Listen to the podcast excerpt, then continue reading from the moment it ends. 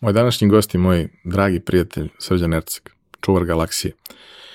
Četvrti deo njegovog gostovanja, četvrti od beskonačno, sve mi se čini.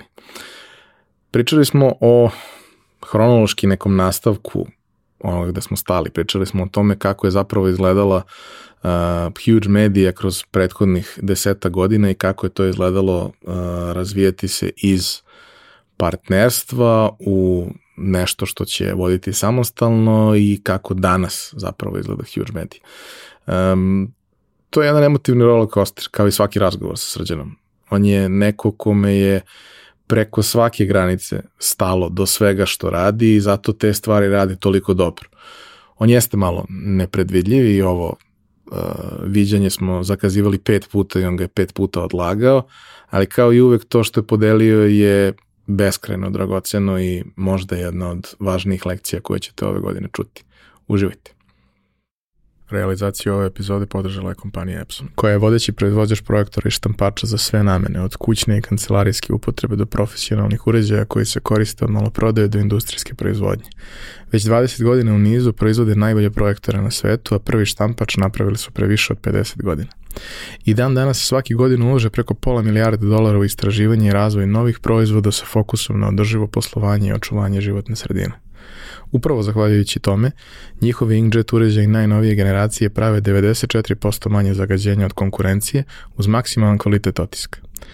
I vaš mobilni telefon koji sada nosite i na kome nas možda slušate i gledate, najverovatnije je napravio robot koji je stigao iz Epsonove fabrike. Roboti su super. Japanski roboti pogotovo.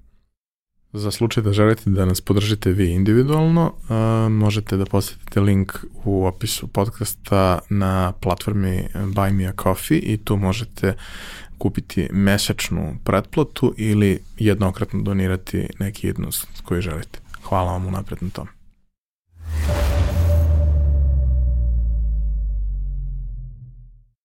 I nakon skoro godinu dana nastavljamo žiti Ercegovo četvrti deo od Beskonačno. I e, obećavamo da neće biti ovoliki gepovi u buduće, da ćemo se viđati bar na 5-6 meseci, dok ne ispričamo celu priču, znači narednih 100 godina. Hvala. Srđan, dobrodošao. Bolje vas našao. Nije te lako bilo uhvatiti, odlago si me Oprosti. više puta nego ovaj, otvaranje poglavlja za... Oprosti još jednom. Nema veze, sve to u redu. Ljude kao što si ti, jednostavno prihvatiš da su takvi kakvi su i uživaš u tome i trudiš se da ne, ne praviš neku preveliku štetu. Ja volim da kažem da ti i još par ljudi koje znam svaku u svojoj oblasti sile prirode. A sile prirode su impresivne, imaju samo jedan problem, nemaš baš da ih kontroliš. Da, hvala, još jedno.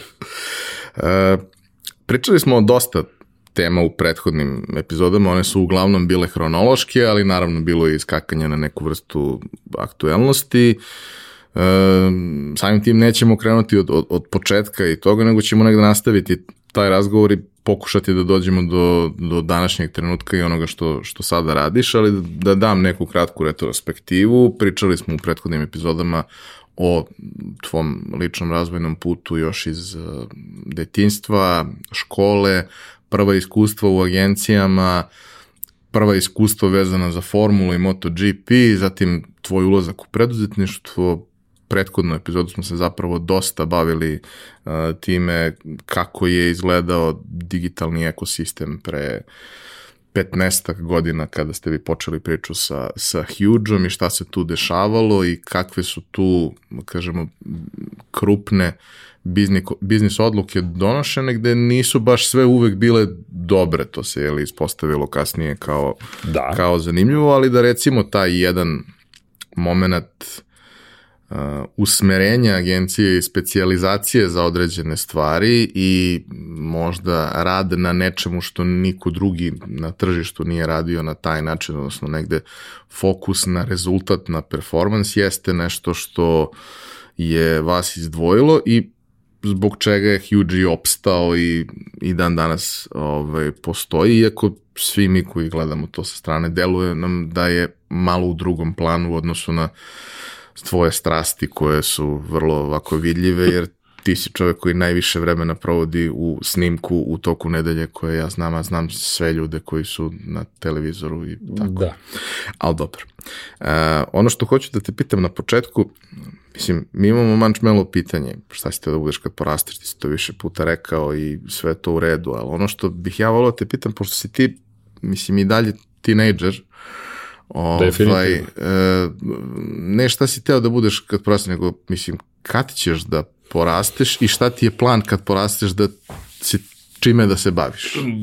Ne znam, da, da kad ću da porastem, da ću da, možda ću da umrem kad porastem, pa možda zato šalim se, nemam pojma. Pravo ti kažem, pa ne, ne znam, zato što meni je lepo i dalje i uživam u ovome što radim i načinu na koji radim i negde svestan jesam svojih godina, 46, jel te, ali ja se dalje osjećam kao neko ko tek kreće negde. Na, naravno, svestan sam da nisam tek krenuo, ali to je neki moj osjećaj. U, vidi šta još imamo da uradimo, vidi šta smo smislili. Ja, sad smo se setili ovoga, ajmo ovo. I ono što meni mnogo lepo u toj celoj priči, osjećaj potpune slobode, u smislu da koliko god da sam bio slobodan ili uradio stvari koje mislim da su sloboda, može još slobodnije. To jest, može da se radi bukvalno još slobodnije. Dakle, imaš mogućnost, pogotovo sada uz razvoj tehnologije, meni prija savremena tehnologija, dobro se osjećam u njoj. Evo, pazi, zavisi ovo pre 15-20 godina da se snima. Gledao sam neke snimke od pre 10 godina gde je pogotovo zvuk veoma loš u nekim snimcima, ne vašim konkretno, nego nešto drugo sam gledao, na, naišao neki snimak iz 2010. i pokušavam da čujem i da shvatim čoveče za 10 godina gde smo došli, a izgleda kao da je, i pošto je to svakodnevnica, pošto je to danas, današnji trenutak, pa kao to je sasvim normalno da imaš, ne znam, telefon koji može da snima u 4K, u Full HD, u čemu god, da imaš zvuk koji je neverovatan, ali to je na neki način, iako u razvoju već poslednjih 10-15 godina i više sve to nasledđe, nekako sad došlo do izražaja ti kaže, čekaj, sad mogu da budem još slobodniji, sad mogu da stvorim još više stvari. Tako da nemam, nemam pravi odgovor, ne znam kada ću da odrastim. Nemam pojma. Ima taj moment, ovaj, svi mi smo odrastali kroz neke predivne trenutke i kroz mnogo ne tako sjajnih i kroz neke traume poput recimo Mijatovićevog penala od koga se ni dan danas nismo poravili 24 godine kasnije. Dobro, ja sam malo stariji iz Nezamiri, ja se sećam i Argentine, tako da... Dobro, ali ja to je, mislim to je da moj da se ona prečka i dalje trese. trese mislim, se sećam se i ja, meni je prvi album bio ovaj, Italija 90. i dalje mislim da je ono najbolja maskota koja je ikad napravljena. ovaj, ono, znaju žabari. Da, da ne, ali budi, budi, kroz, budi kroz život, znaju, znaju ovaj žabari. Ali taj neki moment da kao sećaš se tih nekih trenutaka, a posebno što se sećaš tih trenutaka, jer nakon toga nije bilo više takvih stvari. Nisi imao loženje da ideš na svetsko prvenstvo da uradiš nešto u futbolu. Nisi imao ta zlata u košarci i to sve. Onda kad kao premotaš i skapiraš da, da, kao kako smo dobili Ameru u Indianapolisu, to je bilo pre 20 godina. Da, I kad pogledaš snimke toga, to izgleda kao da je snimano fiksnim telefonom. 4-3 odnos, evo pre neki dan je išla trka iz Lagune Seke 2005. 4-3, ja gledam i razmišljam, bože, standard definition, kako to loše izgleda u današnjim, po današnjim standardima. Kao da je bilo pre 300 godina. Ali, jel, da li ti u glavi kao da je bio Full HD, kao da je bio 4K snimak? Jer meni je u glavi kao da ništa nije fal, nedostajalo u tom snimku, kao da je to najnormalnija stvar bila to nam je bio u tom trenutku standard i nismo znali za bolje. I, i sve okej, okay. i onda gledaš i razmišljaš čoveče, šta, kako, kako, je, jo, kako je to loše zapravo? A u suštinski nije ništa loše, samo je bilo drugačije. Znaš šta sam isto, mislim, aj, mi smo gikovi, ljudi će se smoriti ili će se oduševiti za, za ovaj deo, ali taj moment je kao nekada uh, smo smo imali televizore sa katodnom cevi i svi, da. svi televizori su u principu imali dobre boje Znači, ono, ti si video, ok, ako je stariji sve, ali, znaš kao, ta varijanta da se, da. da se dešava na futbolskom terenu nešto, da ti je sve zeleno i da ni ne vidiš lopti, loptu, kao, to nije postojalo, to, to se videlo, takve su bile i kamere, sve je bilo tako. A sad imaš tu situaciju da kao kupiš neki jako jeftin televizor, veliki, to sve izgleda kao jedna velika fleka u kojoj vidiš detalje, ali jednostavno, znaš, ono, ti odnosi boja, kontrasti, sve ostalo, to ne izgleda prirodno i imaš jako neki čudan osjećaj da iako imaš sve detalje ovog sveta, ti u principu ništa ne vidiš. Ma nisam razmišljao o tome, ali moguće da je to zapravo da tada nisi mogao tako lako da proizvedeš televizor. Ta tehnologija Absolutno. prosto ti to nije dozvoljavala, a i prosto da kažeš lanac snabdevanja, način na koji si mogu da dođeš do tehnologije bio mnogo kompleksniji. Tako da to je moja pretpostavka. A i pravljeno da traje 100 godina. Jeste. Nije da, se menjalo. Nije se menjalo. To je kad se menjalo, to je bio događaj. To je bio događaj u kući, to se slavilo. Dakle, novi televizor je stigao. Sada je to što kažu commodity, komoditet, to je to ti usputna stavka, ideš u neki od hipermarketa i kupiš televizor. To I tako nije bilo. Obično taj televizor, naravno ako ne uzimaš baš nešto ekstravagantno i to sve, obično taj televizor košta manje od telefona koji nosiš. Da. I to je taj moment, ono kao, bukvalno kod ljudi koji su malo bolje ovaj, finansijskog stanja, a koji vole sport, eh, televizor se menja u ciklusu ili olimpijskih igara ili svetskog prvenstva da, futbolu. To, to četiri godine u svakom slučaju. Kao nema veze, ide na vikendicu, ide kod roditelja, ide šta god, kao vreme je za novi televizor. Dobro. A, ok, hajde da se vratimo na, na priču o Huge-u, jer jednim, jednim delom te priče se nismo bavili, ja mislim da je veoma značajan, posebno da je značajan za, za publiku koja sluša i voli pojačalo, to je taj moment da uh, si ti kroz uh, Huge prvi put u jednom ozbiljnom poduhvatu ušao u partnerstvo, odnosno partnerski si to radio sa, sa prijateljima i to nije bila neka kratkoročna stvar koju vi radite partnerski, nego je to bilo nešto što se pravi, što kažeš, za Godinu. ceo život. Pa, da. pa sad, da li će trajati, ne ideja, znamo, ali je. Tako je, tako nije je. pravljeno da traje dva meseca, pa ne. dva meseca ćemo da se istrpimo. Ne, to je, tre, to je nek, praviš svoj, svoj posao. Neću da kažem kuću, jer ne smeš da zamiriš posao kućom, nemojte to da radite, ali činjenica je da za razliku od klasičnog posla, ako si preduzetnik, ko je preduzetnik zna o čemu pričam, ko nije, želi da uđe u preduzetništvo, neka zna, radit ćeš ceo dan.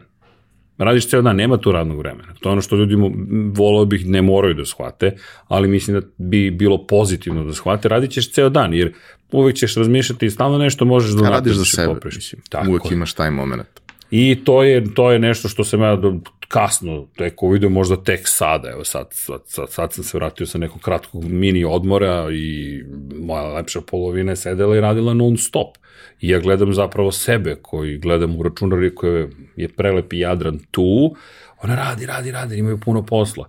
A ja, taj je to jedan od lepših momenta, u ovom trenutku za mene imam posla, ali nemam toliko posla i odbio sam da radim koliko sam ranije radio, jer suštinski se izgubio, izgubila se svrha, stalno sam u računaru, uvek možeš da proizvedeš, stvoriš, napraviš još, ali negde pokušavam da uživam u tome što se događa oko mene i to bi baš bilo važno. Ali apropo ovoga, kada smo kretali, to je razmišljanje, sad ovo pravimo za da, nas. Da, pominja se kako, da kako je to izgledalo u startu gde suštinski vi ste sve imali druge poslove i krenuli ste Tako da pravite morali, to, da.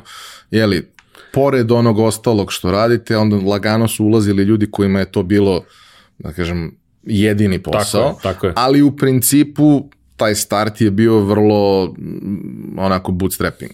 Pa da. E, ali ne, taj deo smo negde prošli, te, tu ranu fazu Huge, to taj trenutak dok Huge nije postao kompanija. stabilan, kompanija koja ima dvadesetak ljudi, ima, Just. da kažemo, stabilno poslovanje, predvidljivo, naravno, tržište je takvo kakvo je, pa nikad ništa nije baš 100% predvidljivo, ali znaš otprilike šta te negde očekuje, znaš šta su neki narodni koraci, ali taj deo uh, koji vrlo često, da kažem, postoji kao, kao challenge u, u, u ovim situacijama, u firmama, uh, odnosi partnera, suvlasnika, investitora, da. menadžmenta, šta je čiji posao, kako šta je čija odgovornost, na koji način stvari funkcionišu.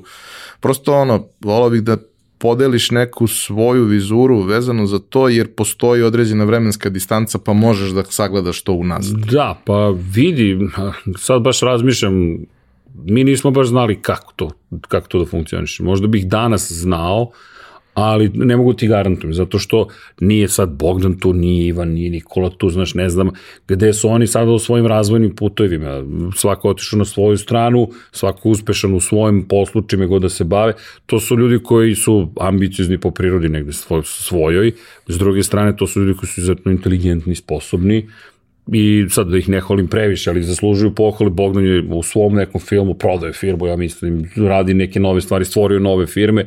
I on je u Švajcarskoj, živi svoj život i konsultant je isto vremena, zaista lepo, Nikola je direktor jedne najvećih, ako ni najveće agencije regionalnoj, Pričamo o ljudima koji su nastavili svoj razini put. Gde oni sad stoje po tom pitanju? Nemam pojma. To ono što ne znam. Tako da imate 25% priče u ovoj situaciji. 75% nedostaje. Jeste, ali ti iz ugla svih nas sa strane deluješ kao najnepredvidljiviji uh, element. Faktor nestabilnosti i, da. i stabilnosti. Pa znaš kako, ja sam stabilno nestabilan. Pa ozbiljno, pa vidi na mene uvek možeš da računaš da će to tako biti. Znaš, Samo ne znam kad. Pa vidi, ali, ali to, ako možeš to da prihvatiš i ako možeš da kažeš ok, to tako funkcioniše, može mnogo lepih stvari da se desi. Neće se uvek desiti samo lepe stvari, nije nužno samom lako sarađivati. I činjenica je, ali zašto kažem da sam predvidivo ne predvidi? Ti znaš da sa mnom to ne mora nužno da znači, ali ono što ti je sigurno takođe, je da ja nešto radim da ja nešto smišljam i da nisam nestao zato što sam bezobrazan ili zato što me baš briga ili zato što ću da uništim nekoga ili nešto. Što ne znači da neću dovesti u situaciju neprijatnu partnere, saradnike, poznanike i tako dalje, porodicu i tako dalje. To nije, to nije kvalitet, to nije vrlina to nije lepo, ali prosto koliko god da sam se trudio nisam baš uspeo da, da, da te stvari dobro komuniciram sa ljudima, jer meni zaista mozak odluta. Ja nešto vidim, ja kažem, u čekaj, čekaj, čekaj, ovde postoji gde. Evo danas sam baš nešto pričao sa, sa, sa, sa, sa koleginicom, prijateljicom iz Infinitija, sa Irenom i ja i kažem, vidi, ja sam oportunista, u kom smislu, šta to znači? Ako vidim priliku može da se desi da ono što smo se već dogovorili ja stavim na stand by zato što uskačem u priliku. Vidi, nije to nije to sa strane gledam, to je možda i nepristojno, neprimereno, bezobrazno, ne znam ja kako bih to nazvao. Ali isto tako, zato što sam to uradio, otvaraju se neka vrata koja, koja se baš i ne ukažu svaki dan. Ili se ukažu jednom u u životu ili u x godine ili decenije ili kako god. Jer mnoge stvari koje smo uradili, smo uradili zato što su se dobro dopunjavali. I moja uloga jeste bila ta, jer vidi, nama se dešavalo da mi otvorimo neka vrata i kod klijenata i kod partnera zato što konkretno pričam sad o sebi, ali nisam samo ja da se razumemo, sva četvorica smo radili svoj deo posla uskočio sam u nešto na, na, na osjećanje, na njuhe. Bukvalno seća se u vozu smo bili. Na ludilo, da. Na ludilo, da. možeš i tako da kažeš. Evo, baš sam danas pisao advokatu i kažem do ludila i do, do beskonačnog ludila i nazad. Jer sam mu ponovno postavio neka čudna pitanja, imamo super advokata našeg Dragana Markovića koji, koji se s radošću, jel te, budi kada čeka naš e-mail, jer ne zna šta ćemo ga sledeće pitati, ali u tome jeste jedna od mojih vrlina takođe. Znaš, obično su ti najveće vrline, najveće mani, nije to nikakva mistika ili filozofija. Ono što ti je najveći kvalitet, najčešće ti je najveća mana. Mislim, to je neko moje iskustvo. Ne znam da li sam u pravu, nisam ljudi, to je samo moje iskustvo. Ali zato što znaš da sam mene predvidiv i ti znaš da sam negde nestao, kažem, vidimo se za 15 minuta. E, to ti je, ono, primjer na trke kad odemo, MotoGP ja stvarno sam otišao negde da se vratim za 15 minuta. Ali ja sam usput sreo, ne znam, Maksa Bjađija. Ma nema šanse da ga ne uhvatim i da kažem, Maks, šta se... Znaš, to ti je, takav sam. Onda zalutam u nečiju garažu, pozovu me, ej, kao, dođi da vidiš. Ti sad zalutaš u garažu, ti si u garaži i ne... Evo, sad Rossi je dobio u Muđelu, je dobio priznanje za, za celu svoju karijeru. Znaš koliko novinara bilo u garaži? Jedan. Tako je. Ja sam samo ušao na vrata, nisam nikog ništa pitao. Jer ja sam vidio da nas sve teraju na startu ciljni pravac i idem, idem, idem i kažem zakasnit ću za startu ciljni pravac i vidim garažu VR46, otvorim vrata i ispred mene bio neko iz ekipe, čini mi se. Ja sam samo se pravio da ja tu pripadam. Ja sam za njim pravo, me pogleda, ja njega gledam, vidi da imam propusnicu, odgovarajući ove godine, super, to je lepa stvar, imamo godišnje propusnice i već to je, aha, okej, okay, ovaj, ovaj ovde treba da bude. Ja sam samo čutao, ušao i stao de facto na dva metra od Rosije. I to ti je to. E sad, mene čekaju na startno ciljnom pravcu, žao mi je, ne, neće se pojaviti na startno ciljnom pravcu. Ali ja sam zato bio uz Rosija, pa ga snimao, pa ga snimao, pa ga snimao, pa izašao sa njim, izašao tamo gde ovako špalir napravljen i medije drže sa leve i desne strane. Ali ne mogu ništa mi kažu iz Dorner, ja sam sa ekipom došao, a ekipa ima pravo da me pozove, pri čemu poznajem predstavnika za javnost, Pola Bertrana, i ja kažem, čao Pol, i on kaže, čao Srđane. E sad se već dobio potvrdu da ja tu treba da budem. Ne znam zašto sam ja tu, jer i to ti je ta igra. Ali ja nisam došao tu da bih nešto učinio loše. Ja sam to, inače, nemam, nemam snimatelja sa sobom, jedino što mogu, a to je mnogo, je da snimim taj kadar i pustim na Instagram gledalcima sport kluba. I, ili kome god da prati naš Instagram. U konkretno u ovom slučaju moj, jer sticam okolnosti postoje pravila šta smeš da postuješ, što je sada korporativni nalog sport kluba i tako dalje. Ali ja tegujem sport klub da on može da pusti takođe taj snimak. I, i ljudi dobiju neki snimak koji niko drugi nema. Zašto? Zato što, jel te, nisam došao na dogovoreno mesto. I sad čekaju me negde, ja sam ono snimajte ljudi, radite vi vaš posao i radim ja ovde moj posao i sve je okej. Okay. Da li bi se desilo da sam drugačiji, nemam pojma, možda bi, možda ne bi, ali sumnjam. I sad da li sam prekršio pravila? Pa nigde nije pisalo da ne smem da uđem u garažu. Pol me je pustio da budem u garaži, te predstavnik tima je prihvatio da sam ja tu, Rossi se nije bunio, ni zna ko sam, zna mi se, znaju oni svi nas iz, onako izviđaju, čao, čao, i to je to. Ali nije sad da mi pričamo nešto ili sad imamo otvorena vrata, ali ti si tu, to je tvoj posao. I ja sam bio pristojno radio moj posao, sklonio se sa strane, vratio se nazad u garažu, jer imam pravo da se vratim u garažu, jer sam sad bio već u garaži i onda slikam njegovu reakciju. I mi jedini imamo taj kadar. Ali kažem ti, to je predvidiva nepredvidivost. Mislim, zna Jelena da se ja neću pojaviti, ili pretpostavlja da ko zna, ali nisam otišao da jedem sendvič, nisam otišao da pijem limunadu, nisam otišao da se pravim mangup i da kažem baš me briga da radim svoj posao. Ne, ja sam otišao da uradim svoj posao. Sad što se posao promenio, to je nepredvidivost. Isto ti se dešavalo sa Huge-om. Ja odim na jedan sastanak, ali ti se desi da naletim na osobu koja je u toj istoj zgradi gde je klijent, koji mi kaže, ja, niste dugo video, šta radiš? Aj sednemo na kafu, aj sednemo na kafu. Ja sad pričam s čovekom, kaže, jo super, nisam ni znao da to radite, ajde dođite kod nas na sastanak. I nama se otvore vrata.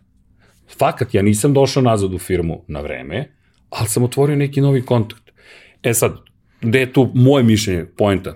To su, de facto u toj situaciji ja sam prodavac, samo što ja nisam znao, mene je bilo sramota da budem prodavac u početku. Ja, ja, prodavac, ja. Kao da sam uvaljivač robe, a ne prodavac. To je mnogo ružno. Prodavci su, kada ne uvaljaju stvari, kada ne lažu, jedna od i najvažnijih svakako karika, uvek su jedna od najvažnijih karika, ali i karika koja može da ima ogromno znanje, zato što prodavac dobar da bi stvarno prodao, mora da zna to što prodaje. Većina misli samo pričaj nešto i to je to. Ne, ja prodajem u ono u što verujem. Zato je meni bilo lako da budem u huge prodavac. U nekim drugim firmama mi je bilo teško, jer je management tražio da lažem. Ja nisam to hteo da radim, zato su me izbacili. De facto su me mobbingovali dok nisam otišao, ali sam mi rekao, neću otići dok mi ne date otpremninu. Neću da odem dok mi ne date otpremninu, zato što ste bezobrazni. Da ih ne imenujem, oni su u prošlosti, nevažni su, ali činjenica da su oni bukvalno lagali. Očtan pantiraž je X, oni kažu, ne, ti ćeš reći Y. Pa neću. Znaš, pri čemu, to je vrlo ružno i gadno, to su gadni ljudi za mene, jer dovešće nekoga u situaciju da slaže, a onda kada taj neko bude uhvaćen u laži, neće oni reći ja sam to rekao. Ja, strašno. I onda korporacijski odreći će se te osobe. Upotrebio bih neki slikoviti termin, ali nije, nije primereno. To su gadovi za mene. Koje god da su po, koje god da su pola, koje god da su uzrasta, gadovi. I takvi ljudi držite do svog integriteta, jer će ga vrlo rado drugi prodati za vas. I ja sam samo tada rekao, ne, meni je to glupo, zato što Nema potrebe da lažete. To je inače neka moja filozofija i teorija. Što lažete koliko usluga košta? Što ja moram da sakrijem moj pre... Tako nam je industrija marketinška, zatraže se transparentnost. Ali mi imamo lažnu transparentnost u velikom broju slučajeva, izmišljamo razlike u ceni ja nemam problem sa razlikom u ceni, da se odmah razumem, imam problem samo sa tim odnosom gde, gde, gde klijenti znaju da ih lažeš, ti lažeš i kao svi su okej okay sa time. To je meni besmisleno. Da, dobro, imaš i taj moment konkretno u, u našoj industriji da vrlo često praviš takvu vrstu ponude koju niko ne može da isprati, a koja se i tebi ne isplati. Pa da. Da bi uništio konkurenciju u tom nekom smislu ili imaš druge stvari od kojih možeš da živiš, pa onda nemaš problem da radiš nešto da sa 1,5%. Tako je, ali vidi, to je sve to legitimno. Svako ima pravo, ništa to nije protivzakonito. Ja samo mislim da će svi zajedno na tržištu imati mnogo manje para zahvaljujući tom principu. I ono što smo mi rekli, to je inače jedna od huđovih filozofija, neće, ja makar, dok se ja pitam nešto, ja sad dobro, sad više ni ne pitam toliko, ne, mnogo sam više u Infinity-u, fakat, ali moje mišljenje je da ne možeš da se boriš sa cenom ako radiš kako mi radimo. Zašto? Zato što će uvek neko moći da da nižu ponudu. Uvek će neko moći da bude jeftiniji. Nama se dešavalo da radimo, ne znam, društvene mreže i dođe neka od velikih agencija, velikih sistema, koji kupuje, prodaje televizijsko vreme, to jest GRP-eve, out of home radio, bla, bla, bla, bla, bla. I tu se skupi tolika količina novca se akumulira da oni mogu da dampuju usluge za digital. I ne znam, ti, ti mikro naplaćuješ. Mi smo naplaćali nešto sitno, tipa 250-300 evra vođenje stranice za nije ni bitno jednu veliku kompaniju. I to je trošak od, ne znam, 750.000 evra za njih mesečno. Ali, postoji ta percepcija kada plaćam Google, u redu je da platim i 100.000 evra. Ako plaćam Facebook, u redu je da platim 100.000. Gotovo poltronska. Oni su bitni i veliki. I dođe huge media, a vama da dam 1000 evra. Pa ne daješ meni, čoče, plaćaš za uslugu neku. I onda dođe agencija XY, stvarno nemam neku potrebu da ih imenujem, znac, imaš 3-4 velike, velika sistema, koji u okviru svog internog sistema ima situaciju u kojoj neko je ograničen, da li direktor, vlasnik, da li ono ispod, da li ono ispod, to je čuveni layer cake, jel te? Shit falls down, ne zameri to, to tako ide. Neko gore nešto rekao i sad to svi će dole da sprovedu i svi peru ruke, ja izvini, znaš kako, moram primiti platu, frka je neve, niko se ne bavi tržištem. I šta onda dođe urade? Kažu mi ćemo da vam radimo besplatno vođenje Facebook stranice. Zato što ste vi kod nas za sve ovo ostalo, yes. mi ćemo to da ubacimo kao I grad. ti si sad kao nas ubio kao huge medium. Ne, ubio si svoj mozak, zato što tebi to jeste nevažno. Ti ne zarađuješ dovoljno da bi platio osobu da to radi ozbiljno. Ja sam mnogo, to mi je jedna stvari kojima sam razočaran na kraju bio, Facebook je iz moje perspektive komunikacija ima ogroman potencijal. Šta to znači? Mislim da ga niko nije potrebio kako treba, su se svi bavili banalnim i besmislenim brojkama, koliko imam lajkova, koliko imamo, koliko imamo. Čekaj polako, ajde da vidimo, da damo neki emotivni opis tog posta. Ajmo da krenemo od tehničkog opisa, to slika, to video, ne znam, to grafika, šta je sadržaj toga, je to business to business, business to consumer, to nešto emotivno, to konkretno, to proizvod, sales, imaš, imaš ne previše opisa, ali imaš ih dovoljno, mislim, možda imaš beskonačno, ali negde kategorizaciju napraviš, pri čemu imaš svetske standarde, ti kasniš svakako za globalnim tržištem, pogledaj i poslušaj šta se priča staviš me, mesečni plan, čuveni scheduling udariš i kažeš evo ga plan za ovaj mesec, pri čemu isplaniraš ad hoc objave. Šta to znači? Pa ako danas padne kiša i pude potop, smisli nešto, čuveni Dunking, Dunk in the Dark, jel te, za Super Bowl, gde su, ne znam ko je to Reo je radio, od kada je nestalo u New Orleansu svetla na Super Bowlu, pa su oni napisali You can still dunk in the dark. Ako se dobro sećam, sad ne zamerite, nemo, na pamet pričam, gde ti u Oreo možeš da umočeš u mleko. To u Sjedinim američkim državama je običaj. Oreo umočeš u mleko i jedeš. Mrak je, ali oni su napravili viralnu kampanju. I onda su bile akcije svih ostalih brendova. Tako da ih imitiraju. Ali kako je nastala ta kampanja? Zato što je neko rekao, nedelja je, ali ćemo mi imati tim kreativaca. Jednog, dva, tri, pet, nemam pojma koliko im je bio tim za društvene mreže, koji će sedeti i čekati situaciju. I cinula ideja, pap, situacija, bam, evo mi dan danas pričamo o tome. Sad zamisli mene kako odlazim kod klijenta i kažem sedećemo za svetsko prvenstvo i imati tim koji će da radi za nas. Koliko to košta? Pa ajmo ovako da izračunamo. Svetsko prvenstvo traje 4 nedelje. 28 dana, je tako? Ajde, 4 nedelje. Da imamo fully dedicated tim, dakle u potpunosti posvećen samo tom projektu, to znači da vi morate da platite platu tih ljudi de facto, da bi se nama isplatilo kao huge media. Da kažemo da ti plate, ne znam, ne znam, nećem se koliko je tad bila, 700 eura Počeli smo tek, mali smo, nisu velike plate, drugo tad je 700 eura nešto, kao još i vredelo, vredelo nečemu.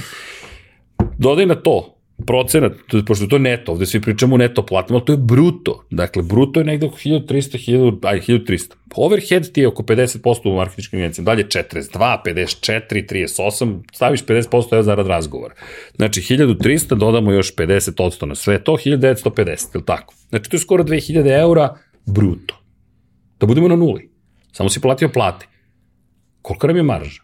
Šta ćemo kažem, evo 15% je marža. Čini neka marža, ali u marketingu tako, uaa, U kom marketingu? Ako imaš veliki promet, onda 15% nešto znači. Ali ako je mali promet, imaš maržu 15% na 100 eura. 15 eura, top. To je besmisleno. I ovde ljudi se frljaju. Inače, evo, nisi pitao za savjet, ali savjet svim zaposlenima. Kada vam šef dođe sa glupovom pričom, u procentima tvoja plata je skočila 20%, pa da majstor, ali ako je 320% i nije nešto mnogo. To su meni radili redovno kroz korporaciju, znaš, skočilo ti je plata 20%, to je dalje ništa, da čuveni Bob Rokovski, 20% od ništici dalje ništica. S tim što ja nisam bio loše plaćen kroz moju karijeru, fakat, ali činjenica se uvijek smeo kada ljudi dobiju, pa, pa dobije 15% povišicu. Reče čovek koji ima sedam puta veću platu. Halo, nije isto. I okej, okay, ti želiš da zaštitiš svoju platu, bla, bla, trući, ne znam, PNL, čuveni profit and losses, ali nemoj da lažeš tog čoveka. Ružno i glupo je. Drugo, ne investiraš u budućnost i već stvaraš jaz između vas. Vratit ću se na partnere, ne brini. I sad u toj cijeloj priči, da, da, ali pazi, sad ti to tržište, ti sad i to je priča o partnerima. Ti dođeš i kažeš, ok, 2000 eura nam treba da imamo jednu osobu i 15%, znači 2300 treba da nam platite po jednoj osobi, a mi hoćemo tim od troje ljudi. Molim, 7000 eura da platim ljude mesečno. Nema šanse. Ne dam. Ok, ti kažeš, ali dobro, pošto smo agencija, ti ljudi ne moraju da budu dedicated, tim ne moraju da rade samo to, mogu da rade druge stvari, košta će 4500 eura, na primjer. I mi ćemo zaraditi neki novac. 4500 eura. Pa dobro, koliko ti je to vredi? E sad dođeš do, zato što je velika agencija, ve, šatro velika agencija, mali, mala, mala razmišljanja, zato što imaju dovoljno keša, ne znaju kako da razvije ovo ostalo. I ne znaju da razvijaju apsolutno ne znaju, stojim da, da su digital potpuno promašali da razviju kako treba, stojim i dan danas pri tome. Na kraju dođeš do toga da e-commerce platforme imaju svoje timove jer su, jer su na kraju pošašavali i rekli ne možemo, ne, ne. A ti stalno dobijaš falše informacije, da ne govorim o odsustvu transparentnosti na Google i Facebooku.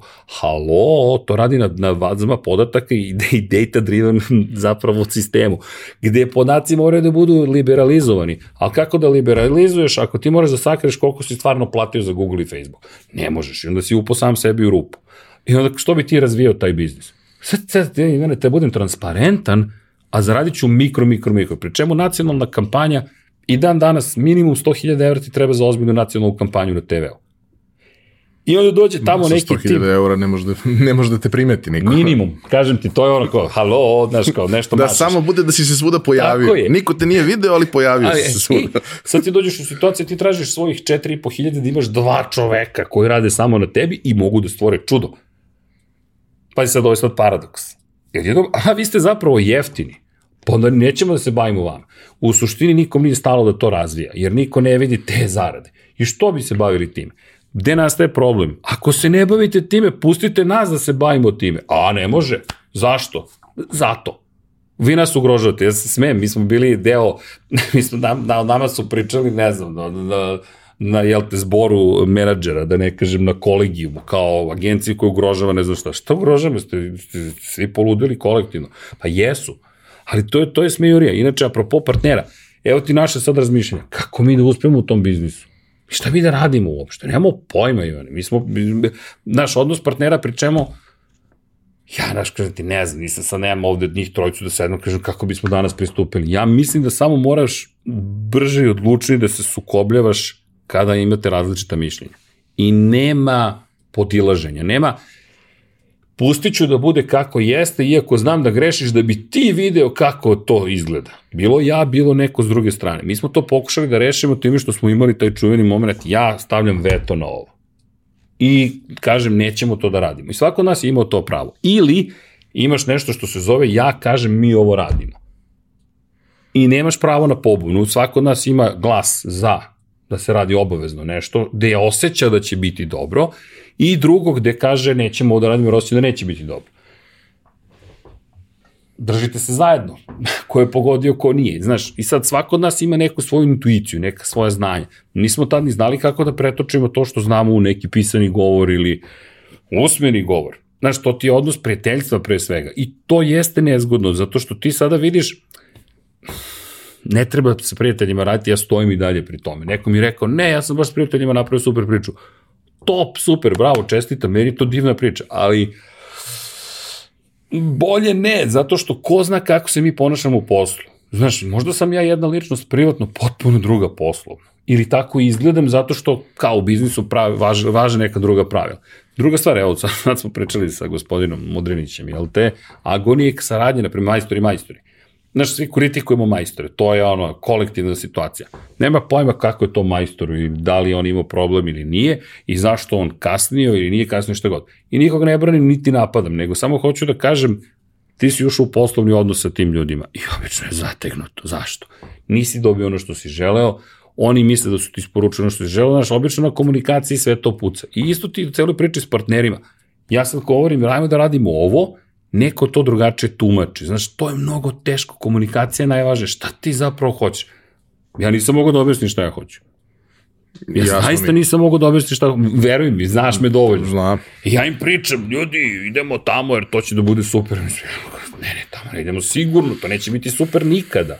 I onda dođemo u sukob, gde ja guram nešto, neki put izguram, neki put ne, neki put budem u pravu, neki put ne, ali znaš kako, to ti ako prihvatiš da će tako biti, neki put je da, neki put je ne, nije savršeno, možda, će, možda će biti lakše. Znaš, naš odnos, pa na trenutku smo, mi nismo ni bili suštinski partneri, smo imali toliko posla, nije bilo vremena da pričamo. Znaš, nije bilo vremena da pričamo. Nemam pojma, Ivan nešto radimo, kažem, čao Ivane, desi kako si? Evo, dobro sam, super. Znaš, Ivan, no, Ivan od pet ujutro radi do tri popodne. Ja u pet ujutro nisam pri svesti. On je nešto ustao i radio. Znaš, kad me probudio u Zagrebu, kad smo išli, e, tad smo dobili nagradu za, za frikomaniju. Koja beše nagrada? Znam da je Zagrebački neki festival bio digitalni. Ne mogu se da se setim. I legli smo u četiri ujutro, slavili smo, 5.30, mene, ja se budim, neka silueta nešto radi u sred, u sred sobe, ne šalim se. Ono, Ivan vežba u 5.30, on je ustao za svoje vežbe u 5.30, rekao, ludače, misli se da nas neko pljačka, da on gasio svetlo da mene ne bi probudi sa vidišnom siluetu koja nešto radi. Ali to je Ivan Rečević, znaš, ali stvarno nismo stigli da pričamo jedni s drugima. Pri temu, pri čemu Bogdan vodi agenu još uvek u tom momentu. Pravi divan ni, nema pojma ni šta se zbiva s čovekom, ali verujemo jedni drugima. Znaš, danas mogu da ti kažem da sam im verovao. I oni meni, zato što je nemoguće da bi mi dali da radim to što zaradi da mi nisu verovali. Nema šanse. Sad šta to znači? Danas bismo možda bili drugačiji. Ono gde sam ja mnogo pogrešio je bio moment kada sam verovao da svaki zaposlen je poput partnera. To je moja velika greška. Nisu to partneri. To su ljudi koji su se zaposlili i koliko god im govoriš, ej, ovo pravimo zajedno, bit će više para, šta god, ti definitivno lažeš hteo ne hteo lažeš. Ja sam lagao, hteo ne hteo. Jer šta će sutra da pripada udeo u firmi nekom od njih. Ja sam čak i to pokušao, imam pismo čuveno od advokata, hajmo bar pola posto, jedan posto da damo, da izmisliš nešto. Tu srpski zakon je onako malo problematičan. Ti ako napraviš, izvinjam se, akcionarsko društvo, tek onda imaš papirološke probleme, a onda ako si zatvoren u akcionarsko društvo, ne znam da li možeš da daješ procent ili ne možeš, berza ne postoji, mislim, to je neka izmišljotina, a s druge strane DO jednom kad daš ne možeš da uzmeš, mislim, to, to je to, čak ni da otkupiš, kaže, ja uzimam, kod akcionarskog društva možeš. Meni, ne znam, ja sam imao akcije pokupo u nekoj trenutku ludila, kao idemo na berzu, ja potrošio pare i sad kao, na, otkupljeni su vaše akcije, su otkupljeni, nisam dao pristanak, suviše su mali broj i većinski vlasnik ima pravo da tih otkupi ne znam kojom metodu. Aha, okej, okay. i nema više akcije. Nema. Možda i dobro. e, nisam mnogo potrošio, ali, ali kažem ti, znaš, to su stvari gde smo, koje smo mi, ne samo ja, to je bilo moj ideal, smo svi zajedno bili raspoloženi da to rešamo, nismo uspeli. I onda na kraju ti kažeš nekome koji znaš, to, to ispade pežorativno. Nije pežorativno, to je neko ko se zaposlio, iz tvoje perspektive ti si poslodavac, taj neko je zaposlen kod tebe i ti mu sad pričaš kao, ne, ovo ne radiš za mene, ovo radiš za sebe. Zvuči, zvuči Mislim, malo onako. Imaš tu još jedan specifikum industrije i Huge u tom trenutku. To je da je Huge realno bio obdanište.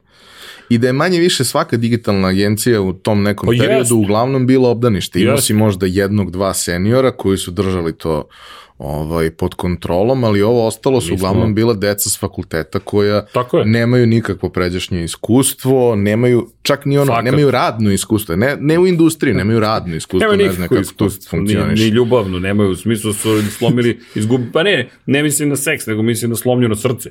Nisu ni doživjeli takve stvari da im bro, brodolomi nisu nevažne stvari.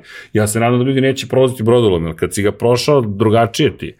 Inače, to si 100% u pravu, to, to, to sam isto zanemarivao, ja sam sve razmišljao, smo svi imaju iskustva koji mi, 15 godina već nešto rade, valjda znaju šta im govorimo. Taj moment gde suštinski u tom trenutku, iako je firma relativno velika i dobro strukturirana, kad pogledaš nekakvu sistematizaciju. Nije bilo loše. Znaš, u realnosti ti imaš nekoliko vas koji ste uglavnom partneri u tom trenutku, koji stvarno mogu da povuku i naprave nekakvu razliku. Baš smo vukli. A ovo ostalo je na nivou nekog bazičnog izvršioca.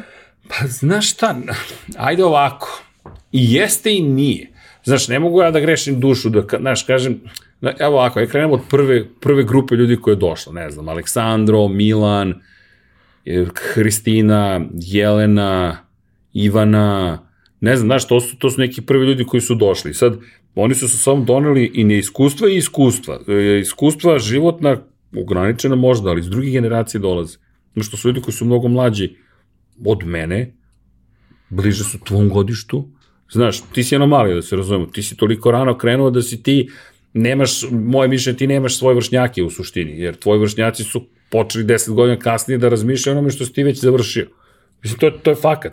I onda ti imaš grupu ljudi koja je tek stigla sa fakulteta i koja, gde ti ne kontaš da su oni potpuno drugačiji. Pričemu oni koriste neku terminologiju koju sam ja isto učio. Znaš, KPI-evi, i gledam šta priča, kakvi KPI, šta sad priča, kakav Key Performance Indicator. I onda pita Maju, u to vreme Marković, o, koja danas devojka vodi digital agrokora celog, i ja pitam Majo, o čemu pričate sad sa Objective Key Results, znaš, ok, OKR-ovi čuveni Google-ovi, i razmišljam, dobro, šta hoćeš da mi kažeš sa Key Performance Indicators? Aha, imamo cilj i onda imamo KPI.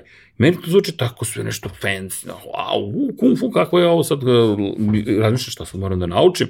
I onda se kao, pa ne, srđene, objektiv je, to je goal, šta ti je cilj? A KPI kako ćeš da meriš? Rekao, ne razumem. Rekao, hoćeš da mi kažeš, napišem prodaja, ne znam, knjiga, e, knjige, ajde, sena, KPI hiljadu. Da. Šta, zašto bismo to uopšte tako strukturirali? To mi zvuči suviše jednostavno, nekako kao da me banalizuje intelekt, ali nije. To ti je potrebno da bi mogao da skaliraš posao. Samo je pitanje šta ti želiš. Hoćeš butik, agenciju i kućnu atmosferu ili hoćeš spreadsheetove, to jest radne liste u kojima pišu čuveni, jel te, indikatori performansi zajedno sa ciljem. I ako staviš na taj, na, na taj papir, na taj način stvari, onda možeš da rasteš ne znam ko Google i ko kogo, samo što mi nismo znali šta hoćemo. Iskreno, da me pitaš tada da li bih prodao Huge, ja bih ti rekao, molim da prodam Huge, da izdam moje zaposlene, jer onda će doći zla korporacija.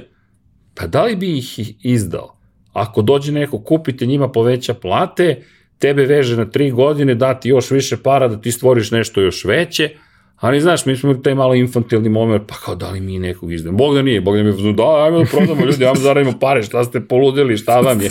Jer on mnogo više prošao od nas u tom momentu, on je već imao 15 godina preduzetničko iskustvo, ja nisam imao preduzetničko iskustvo. Neko ograničen tamo iz 99. i to je to. Ali suštinski Bogdan je osetio i kad klijent ne plati, i kada nestane u džungli, i kada duguješ pare, i kada treba da ih vratiš, i bla, bla, bla.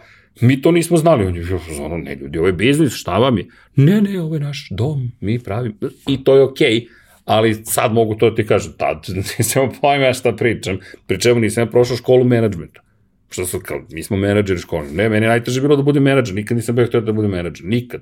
Ja htio da budem neko ko radi za sebe, svoju priču, imam inženjerski neki mozak i to je to. A sad ti treba da se baviš inženjerijom ljudi, što je moguće, ali moraš da prihvatiš moraš da prihvatiš blago emotivno odstojanje, jer emotivne ucene su neminovno, neminovnost opstanka. Znaš, ti sad neko ne radi dobro posao i ti moraš da ga otpustiš, ti kažeš ajde prebaci na drugo radno mesto, ajde prebaci na treće radno mesto i ti ga vrtiš sad u krug i više se baviš njime, iako znaš da je najbolji i za tebe i za tu osobu da se raziđete, a onda dođe tužna priča, ja, ali znaš koliko meni težak život. I ti kažeš, dobro, ajde, zaposlit ćemo još jednu osobu, tebe ćemo da plaćamo.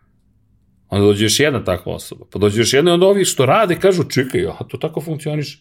Pri čemu, gde smo grešili? Ovo mi je rođak, ovo mi je brat, ovo mi je kum. Ne, ne, ne, ne. Čak i da super rade. Moraju da rade još bolje, u suprotnom će svako drugi moći da kaže, pa ti doveo si svoju porodicu, a ja ovde treba da radim. Nije okej. Okay. Jedino je okej okay u slučaju kada ti ljudi ono vode ličnim primjerom. Kada su toliko, da kažeš, da se izrazim rogobatno, high performing individuals, da ti kažeš stvarno ovo je neverovatno.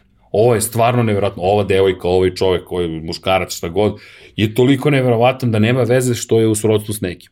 I ni nama niko nešto mnogo zamerao, ali ti možeš da zapošljaš ljude koji na kraju dođeš u situaciju da kažeš, a ne, a mi smo partneri, svaki partner ima nekog svog.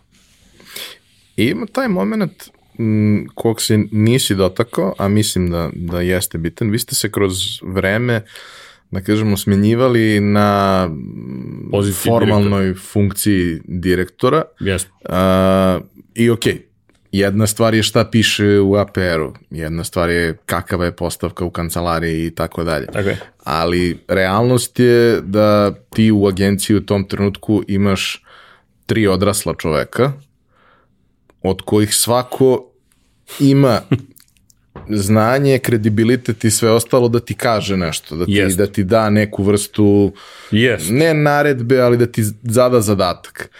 A da ta tri čoveka se možda nisu baš uskladila oko toga šta bi trebalo, kako bi trebalo, ko Sve bi si trebalo. upisao. I kako prosto je to izgledalo i šta si naučio iz, iz, iz tog dela priče. Pa razišli smo se. To ti je rezultat. Proći ću ja kako smo se razišli. Ali kada je Gojko došao da nam bude konsultant, da nam pomogne, uradio eksperiment. Svi smo seli, svi zaposleni u Huge-u i Gojko je zamolio sve osim menadžmenta, top level menadžmenta, znači, na, dakle, nas trojici Ivana, Nikola i mene, Bogdan je bio tihi partner, da napišu ko im je šef. Znaš šta su napisali ljudi?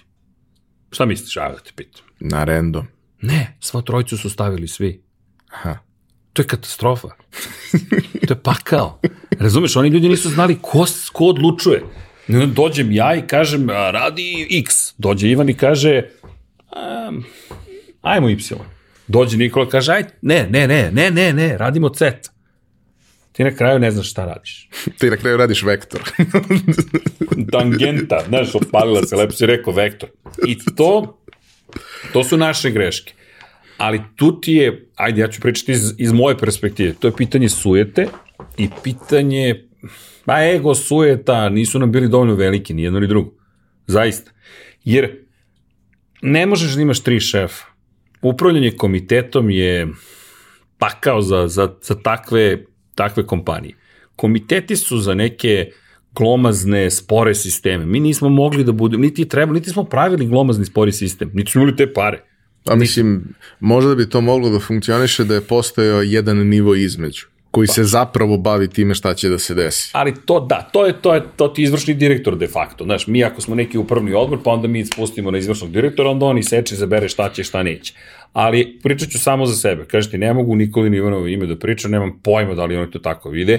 Iz moje perspektive to izgledalo kao da, znaš, njih dvojica ne uvek, nego u tim situacijama u kojim se razmimilazimo greše. I da, ne, ne, tako. I onda ti počinješ da imaš svoje mikroprojekte i da, da guraš neke svoje stvari i tu počinje de facto sistem unutar sistema. I to je loše. Pri čemu mi nismo znali dobro da komuniciramo. U kom smislu? Mnogi se pitaju čemu Slack, šta je Slack. I čemu transparentnost.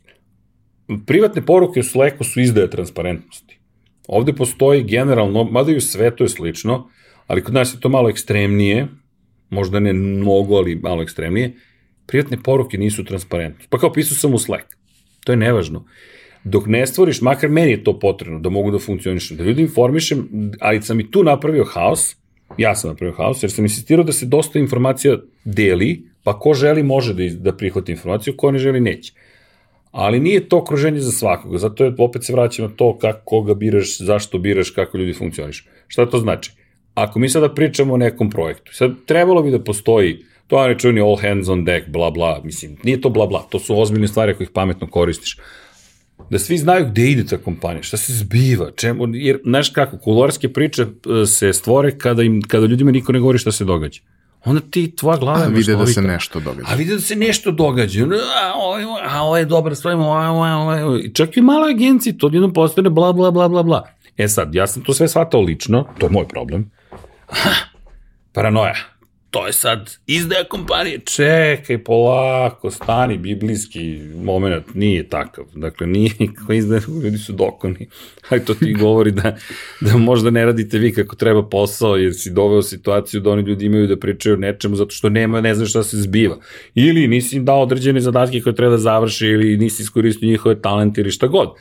Ili si izabrao ljude koji prosto ne odgovaraju tvojoj kulturi i onda treba da ih zamoliš da napuste kompaniju, to je to. Meni je bilo teško to kod otpuštanja, pogotovo, ja otpustiti nekoga, ja, ja dolazim iz zemlje veselog socijalizma, znaš, koja, ne otpuštaš nikad nikoga, svi do kraja, borimo se, ali ti se boriš, ovo iza viče, borite se, stani, I nema tu kao poslodavac zaposleni. Ne, to je samo čovek čovek.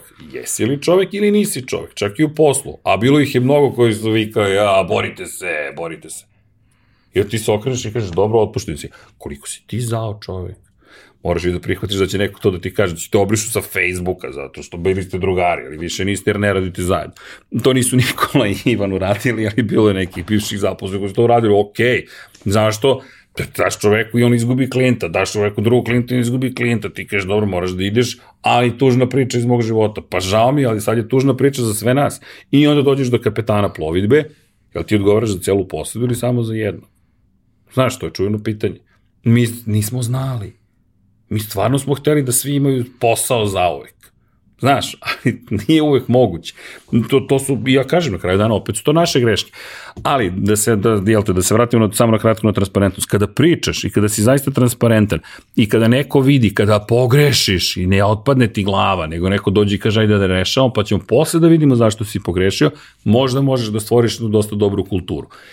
Ali to je na menadžmentu opet na koji način. Ako ti si transparentan i neko zlopotrebi transparentnost, taj mora da ide iz sistema. Taj mora da ide iz sistema. Jer taj će da povuče nekog još da uđe u privatne poruke. Kakve privatne? Pa kao ja sam upisao. Pa dobro, ja znam da si ti nekome pisao da ti treba nešto, da ti kasni projekat za to. Pa ne, ali nisam hteo da ga drukam. Halo, nije ovo kriminalna organizacija, nije ovo policija. Niko od nas ne zna da se nešto događa. Očekujemo da imate više od 14 godina razvoja i da kažete, ej, u problemu smo. I da onda svi zajedno nešto uradimo. Nažalost, mnogo menadžera na ovim prostorima, pogotovo to zloupotreblja. Aha, pogrešio si. I onda ide sledeća igra. Ako si pogrešio, sad mi duguješ. Ma ne duguje ti tvoj posao da pomogneš čoveku da se reši problem, a posle da vidiš da li oni dalje za taj posao i da li možete dalje zajedno. Ali pošto su menadžeri u velikom broju slučaju nesposobni, ali su uspeli da dođu do pozicije, onda on svoju nesposobnost štiti tako što, ne znam, njega uceni i kaže, aha, bio si pogrešio, sad mi duguješ. A zna da je on sposobniji od njega, ali mu je on u dugu emotivno. A ovaj je naučen da bude poslušan i da emotivni dug se gradi. Samo pričam, naš kultura kompanije je mnogo bitna stvar. Ali ti kao kapeta moraš se baviš njome non stop. Ali onoga momenta kad ti izađeš iz firme, zato što si ti i account manager, i prodavac, i IT, i ne znam nija šta, Ćao. Neko mora da čuva brod, neko mora da bude kapetan. Mi smo to pokušali, ali nismo znali kako i ja ne, ne mogu nikog da krijem. Ali kažem ti, apropo obdaništa, jeste bilo obdanište, ali ti ljudi su doneli takođe neka razmišljenja koja su meni makar bila nova. I ja uvek verujem da možeš da naučiš od ljudi. Ba ne, ja, ja smatram da je jako važno da imaš tu neku vrstu svežine i nepotrošenosti ljudi koji dolaze, zato što prosto svi mi hteli to da priznamo ili ne smo istrošeni prilično. Što znači sa jedne Molim. strane, dobro ti si fenomen, ovaj, ali sa jedne strane to, tu postoji pod uslovom da smo potrošeni u procesu koji je bio produktivan i dobar za nas. To znači da mnoge stvari možemo da radimo bez ikakvog opterećenja, da ih radimo po automatizmu i kao posledica nekog iskustva, da možemo da uradimo mnogo više bez toliko napora. Ali ako tražiš tu neku ono pa. svežinu, tu neku iskru, to nešto novo, to će dosta teže da dođe ukoliko je neko u mašini x pa, godina. Da, imaš, pa to sad, znaš, zavisi od pojedinca, da li, su, da li ga je mašina slomila, da, znaš, znaš kako, ja uvek gledam pojedince i ti si u pravu, u suštini, mnogo više ljudi koji koji, koji su slomljeni, ali zašto? Su... Nema ljudi kao što si ti, srđane. Ti si jedinstven. Ja, ja, ja to ne, ne razumem. E, ni meni nije jasno, ali, ali prihvatam da je tako. ok, hvala. Mislim, lepo zvuči, meni makar lepo zvuči, ali ja to stvarno ne razumem. Znaš, ti kad me pitaš kada ćeš dodati, nemam, Ivane, ja, ja ni ne razumem. Ja zaista se osjećam kao da sam tek počeo. Srđane, to što si jedinstven ne mora nužno bude dobra stvar. Valentino Rossi je jedinstven, ali Adolf Hitler je jedinstven. Da, da, okej, okay, hvala ti, ne, ja bih više da učim neku bolju varijantu ako može. A, ali... Hoću još jednu stvar da te pitam vezano za, za celu tu situaciju. Vi ste imali tu postavku u kojoj ste vi nosioci znanja. Znači, vi ste ljudi koji najviše znaju u firmi, do nekog trenutka kad je tu bilo još ljudi, ok, ali u, u nekom početku svega toga vi ste tri osobe koje najviše znaju da. u svaku, svaku u svojoj specifičnoj oblasti. I uh, to je jako dobra osnova da se gradi autoritet, ali nije dobra osnova da se gradi firma zato što treba još nekog znanja. Da. Ali ono što meni se čini kao možda najveći problem oko, na koji ni ja nisam imun, da se razumemo, uh, je taj moment da je mnogo teško da uh, upravljaš ukoliko si stalno u operativi. Tebi treba operativa da bi bio u toku, da bi i dalje znao, da bi bio aktuelan i sve to, ali je količina operative nešto što je vrlo, vrlo problematično. Vi ste konstantno radili. Yes. Najzahtevnije, najkomplikovanije stvari ste radili vi. To je lepo pa. jer ono, keeps you on the cutting edge, što je super, ali nosi sa sobom niz drugih problema. Prvo da, da se svi oslanjaju na vas, da ćete da uradite kompleksnu stvar, a drugo da je pitanje kolika je vrednost tima ukoliko tim zavisi od po jedne osobe. A mi smo pokušavali da prenesemo znanje. I vi ste preneli mnogo znanja, to odgovori činjenica da su svi ljudi koji su otišli iz Huge otišli na nešto jako dobro i napravljena im je ono, napravljen je karijerni put za svakog od njih koji je sjajan. Mm. Ali, Ali šta Huge ima od toga? Pa, znaš kako, u jednom trenutku sad, da, Huge se umeđu vremenu promenio, ali u jednom momentu smo izgledali meni smo izgledali kao firma koja ne može, koja je osuđena na to da nikada zapravo ne stvori neku veću količinu novca, ako pričamo o poslovnom uspehu. Zašto?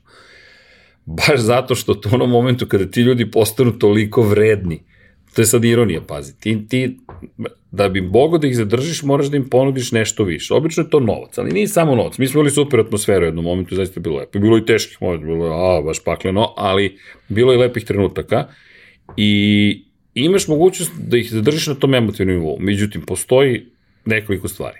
Ti ne zarađuješ dovoljno novca još uvek, ali ne možeš da ga zarađuješ dovoljno jer moraš da se dosta i baviš tim novim ljudima, pa i oni sami su dosta spori nego što će biti vremenu, što sa sve, sasvim sve prirodno, svi, svi smo prošli kroz te, kroz te razvojne puteve.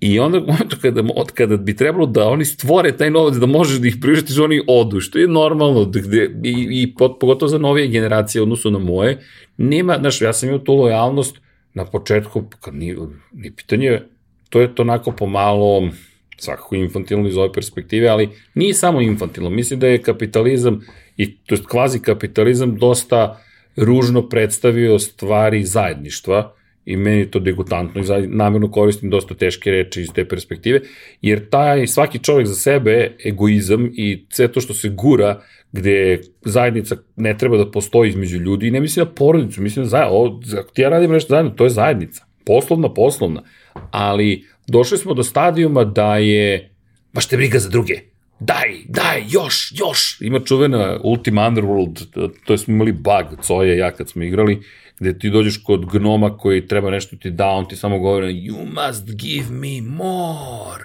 more, you must give me more. I ti mu daješ, daješ, daješ, daješ, daješ, daješ, nema bug, znaš, ali nismo imali krekovanu igricu, šta da radiš? E, ovde kao da je neko krekovu igricu i samo ljudima govore, samo treba tražiš više. Niko nije bio ala od tih ljudi koji su otišli iz Huge, oni su samo hteli da svoj život dalje unapređuju. Pri čemu, pošto im je prvi posao, ne znaju da li je to dobro ili loše. Koliko Nemaju s čemu god, da uporedi. Tako je, možda izgledalo dobro. Ja znam kad sam odlazio sa dobrih pozicija, dobrih, udobnih situacija, pogotovo u Directu. U Directu sam mogao bubregu loj, veruj mi, između dva semfa, da se valjam još 20 godina. Bukvalno, ali meni nije dalo mira šta ću ja, a gušim se, hoću nešto još. I ja sam tada izgovorio šta hoću i 90% stvari se obistinilo, Ni ja, danas da me pitaš da li šta hoću, mislim da ne bih mogao da ti dam taj odgovor kao tada. Ali, tada ja radim u de facto državnoj firmi, 9.30 dođeš na posao, 17, 17, 15, 17.30 u najgorem slučaju si napustio preduzeće, dobiješ platu koja je prilično dobra, sve je prijavljeno u potpunosti, četiri godišnje plate bonusa na kraju, 16 plata godišnje, Ivane, jao, mama može da se hvali na slavama kako je dete uspešno, sve kako treba, ma ona izmišljala, povećavala mi plate, čisto da ljudima gura prste u oči, da, mame ko mame, a moje dete uspešnije od tvoga, ha, ha, ha, ha. Znaš, mislim, vidi, to tako ide, ali mislim, i ti si sve ispunio, ti si štiklirao sve što treba društveno da štikliraš. I meni nije bilo loše kod Gojka u IT-u, mi smo svašta radili, razvijali software, nemam pojma, sve je bilo okej. Okay. Ali sedim i razmišljam, ja, bože, ja bih ipak nešto drugo. I nešto drugo, nemam pojma šta bih, ali hoću nešto drugo. Svako sam hteo da brbljam, da nastupam. To se sećam kad smo pričali kao da ostanem, ja kažem, ljudi, niko živ ne zna da ja postojim, niko ne zna da ja išta znam u ovom gradu. Sutra, šta ako vi prodate kompaniju? Nisam ni znao koliko im vredim. Verujem mi da sam znao, ostao bih, sam bi tražio mnogo više. Nego nisam ja pojma, ali oni nisu hteli da mi kažu koliko im vredim. Njime je to bilo sistem pregovaranja, bolje da ne sazna nikad koliko nam je bitan. Glupost! Platite ljude koji vam vrede, a man zama, na kraju će opet da vam odu. I onda će da bude izdo si kompaniju ili će biti, znaš ti šta smo ti pripremili u momentu kad odlaziš? Šta ste mi pripremili? I što mi niste ponudili pre nego što sam otišao? Ne, to je taj odnos ovaj, korisnika i mobilnog operatera. Da, može. E, može. radio silence do trenutka dok ne kažeš da ćeš da odeš i onda sve može. O, sve može, sve ali može. sve. Ono, ali ja sam se patike. već dogovorio. Tako je, e. Pa ne, ne, kao, znate. E, to ti je za menadžere. Mi to isto nismo znali. Ko zna koliko ljudi je otišlo iz Huge, mi nismo znali da oni rade.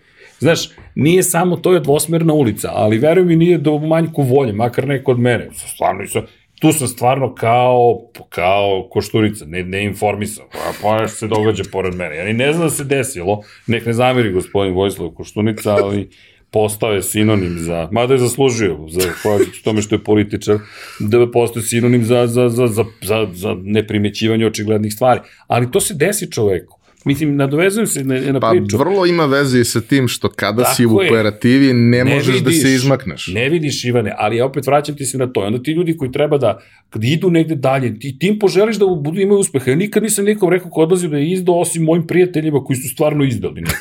no je stvarno, ima njih par kojima ništa nisam tražio. I rekao sam kad su odlazi, rej, sami reci jednu stvar. Samo mi reci koliko platu dobijaš, ne da bih ja bio besan, nego da znam šta će drugi da ponude ostalim ljudima, da mogu da znam čemu moram da težim. A ne, ti znaš da sam ja profesionalac. Ja, Ka, kakve to veze ima sa bilo čim? ne, pri čemu čovek koji, ne znam, spao mi u kući, ko, ko, ko sam bio u fazonu, evo daj da otvorimo vrata svega, daj samo da uspeš, vadili ga iz dugova, ne znam šta sve nismo radili, i on gleda, a ti si profesionalac, ja sa njim ne razgovaram više. Ne, neću. Može, čao, čao, da treba pomoć neka, ja, super se. Neću da razgovaram, zašto? Zato što je to za mene bila izdaja. I stojim pre tome da to izdaje. Ovi klinci, s kom je izdao, što otišli na drugim pozicijama, daj poželim bre srećan put, reci im bravo, želim ti uspeh. Zašto mi ne bi bilo drago što je neko uspeo? Bilo mi je drago i za njega što je uspeo. Ja sam samo rekao, pomozite sada ti meni, nisi ti ništa tražio. Da razumem tržište. Razočaranje. Mislim, to, to je besmisleno. Ali ti nešto govori. Daj čoveku moći da vidiš kakav je. Uvijek ista priča. Apropo Maje, Ma, Maja, Maja carica. Maja nije zaboravila, ona ne znam, spominju nekom podcastu Huge Media. Ja se istopim.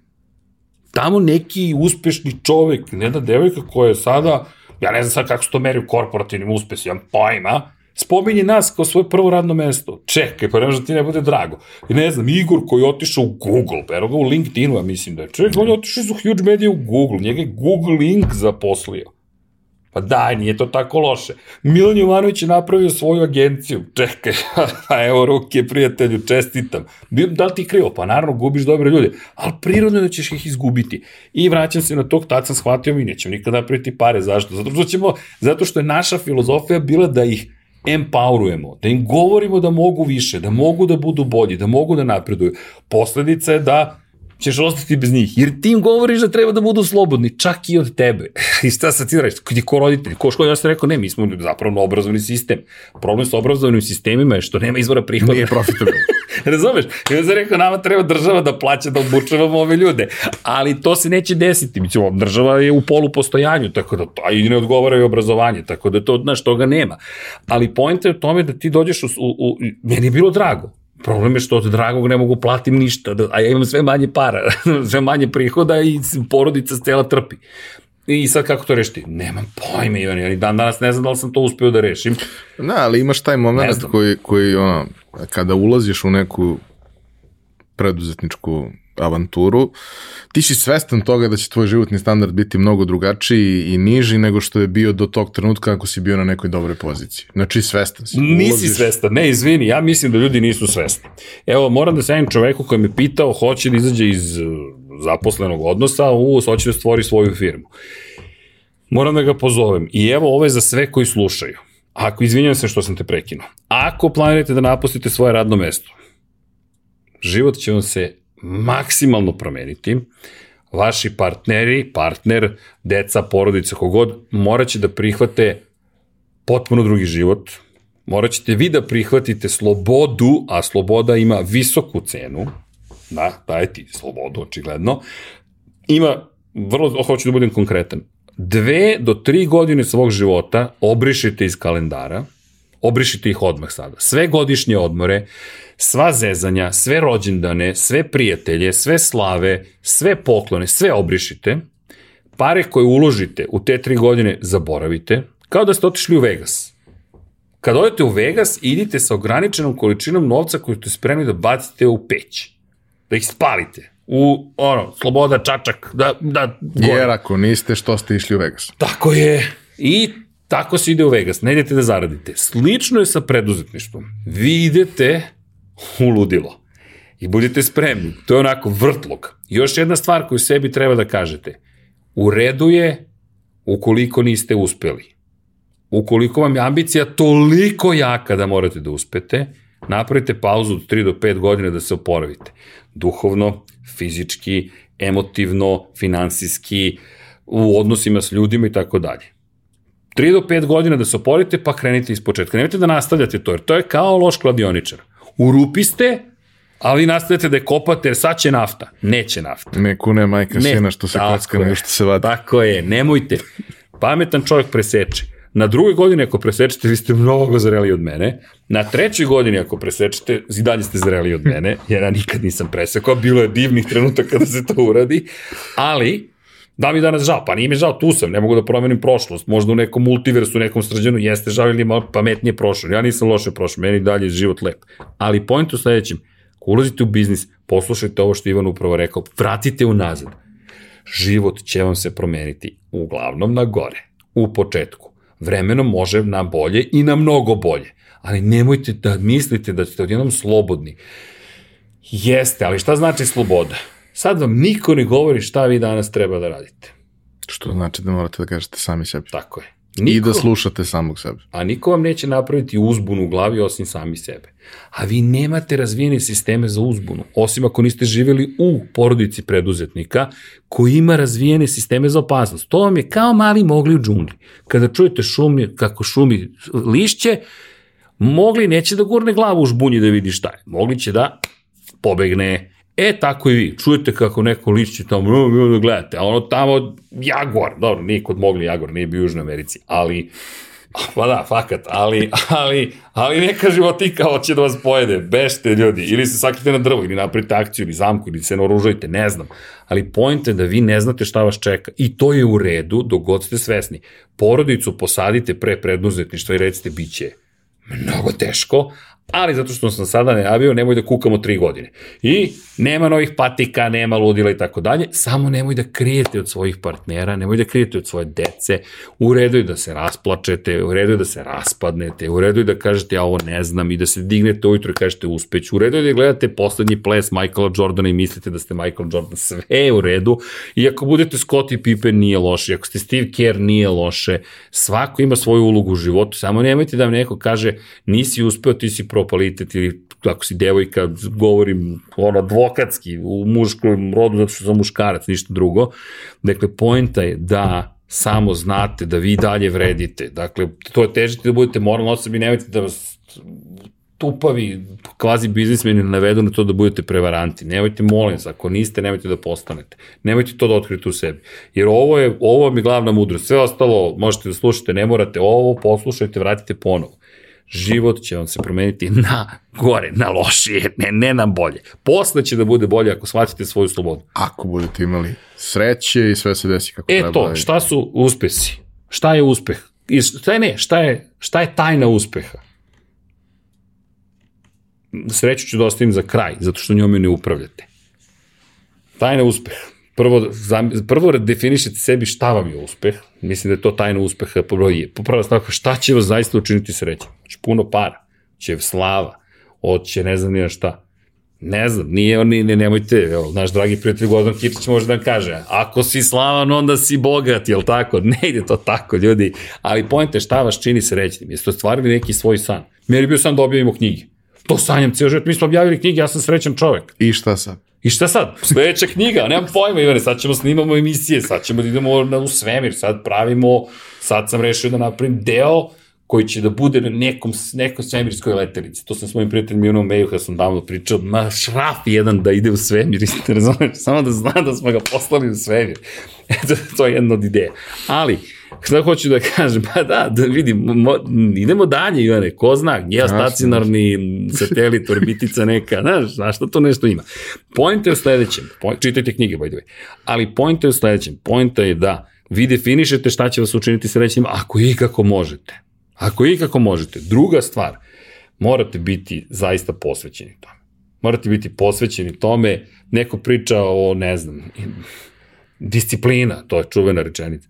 Ljudi, posvećenost, pre svega, da li ćete imati disciplinu, ne, govori on čovjek koji je pretirano disciplinovan, ali ja nisam nedisciplinovan za stvari u kojima zaista nema vrdanja. Vidi, ja prenosim, komentarišem trke već 17. sezonu. Još na trku nisam zakasnio. Za razliku od svega ostalo. Tako je. To mi je Pa Živković rekao. Znaš šta je srđene? Srki, slušaj, ti, ti kasniš na sve sastavke, nikad nisi zakasnio na trku. I to čula moja devojka kao, stvarno? Kaže, stvarno? O, rekao, šta ti to govori? Šta ti to govori? Da sam ja negde podsvesno vrlo svestan, jel te, da mogu da pustim svoje ludilo nekim, pod nekim situacijama, a nekim ne mogu. Znaš, tebi, hvala ti što mi dozvoljuješ da budem lud. Meni je to potrebno, mislim nisam ja lud, ja samo možda ekscentričan. Ali hvala na tome, Ivane, zato što je meni to potrebno. Meni, ali to sam samo ja. Nekim ljudima to nije potrebno. I da se vratim na ovu priču o slobodi, kad dobiješ tu slobodu, onda ja imam tu slobodu da nestanem, ali završim u Rosijevoj garaži. Šta ćeš, to ti je sloboda. Ja sam sebi dao tu slobodu i borio sam se za nju. Jednu trenutku sam bio dovoljno hrabar da kažem ja to stvarno hoću. I sreća vam je potrebna. Zaista mi je potrebno. Disciplina, super bi bilo. Mihael Schumacher je uspeo čovjek, ne samo zato što je bio i posvećen i imao cilj i tako da. On je imao gvozdenu disciplinu. Novak Đoković, ovako. Michael Jordan, ovako. Ja to nisam. Ja ne mogu da ostanem svaki dan u isto vreme i da vežbam. Nisam Tom Brady. Ja sam Srđan Erceg i to je to. I to je u redu. Ja sam zadovoljan. Tip, što kaže Bora Đorđević. Iz perioda kada još njegova poezija zaista vredela. Imao je on periode kada je zaista vredela ta poezija. Ali poenta je da kada ulazite u to, poslušate ponovo Ivana, ovo, ovo, ovo grabim tvoju rečenicu, jer je to ključno, da mnogi ljudi ne bi srce slomili sami sebi. Mi to nismo znali.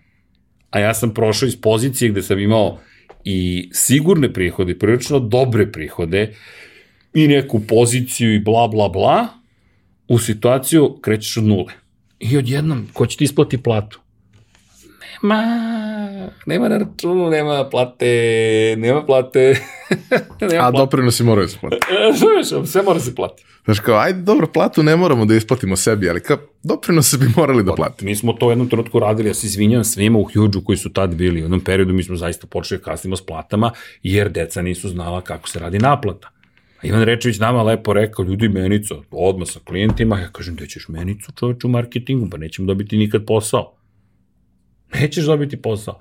Ali vremenom se promenila situacija da ti dođeš i kažeš, kad se i pročulo za nas, menica. Moj? Menica. Zašto? Pa zato što ne ćeš platiti. Imaš ti otpis dugova, ali ne možeš da izdržiš. I onda smo upali u čuveni negative cash conversion cycle, positive cash conversion cycle, ko ne zna šta je likvidnost, taj nije vodio firmu, to može da vas ubije. Na papiru možete imati milione, ali ako nema novčaniku, problemi, i to se nama sve desilo. A onda opet to, sad, partneri, ko je krivi? Sam ja krivi, ili Nikola, ili Ivan, ili Bogdan? Znaš, pri čemu ti si sad, ja sam bar bio u vrtlogu, a, čekaj sad, ne zarađujem ništa. Svi su krivi, niko nije kriv tako i svi je. su najbolji. Tako je, tako je, tako je. I svi su nezadovoljni, a svi su zadovoljni. Znaš kao šta sad? Znaš, ti uradiš filkomariju, dobiješ nagradu, sad, dobro, ali smo u plusu ovog meseca. Pa jesmo, ali nema para. Pa kako nema para? Pa ko će sad to neko da naplati? Pa ti, ti naučiš kako da naplatiš. Pa dok preživiš, dok si akumulirao dovoljno Da, da možda dugova, isfinansiraš sve ciklove koji treba, Tako je. koji treba. E, ali postoji, kod naše industrije postoje ozbiljan problem za nas, pogotovo u tom trenutku, to ti je bilo što smo mi Google morali da platimo u početku karticama odmah, a vremenom pređemo na invoice, to je na fakturu koja se plaćaju za, za ostatku 25 dana, ali Google ne platiš za 25 dana. Čk. CMCC seče. Svi klijenti padaju u vodu, ne samo klijent koji nije platio. A ti dobiješ velikog klijenta, za nas velikog klijenta u to vreme, potrošiš 20, 30, 50 hiljada evra mesečno i ti kažeš, kako ću to da platim? Onda, Jer je valuta 60 dana. Tako je, jer je valuta 60 dana, 60 ko 90.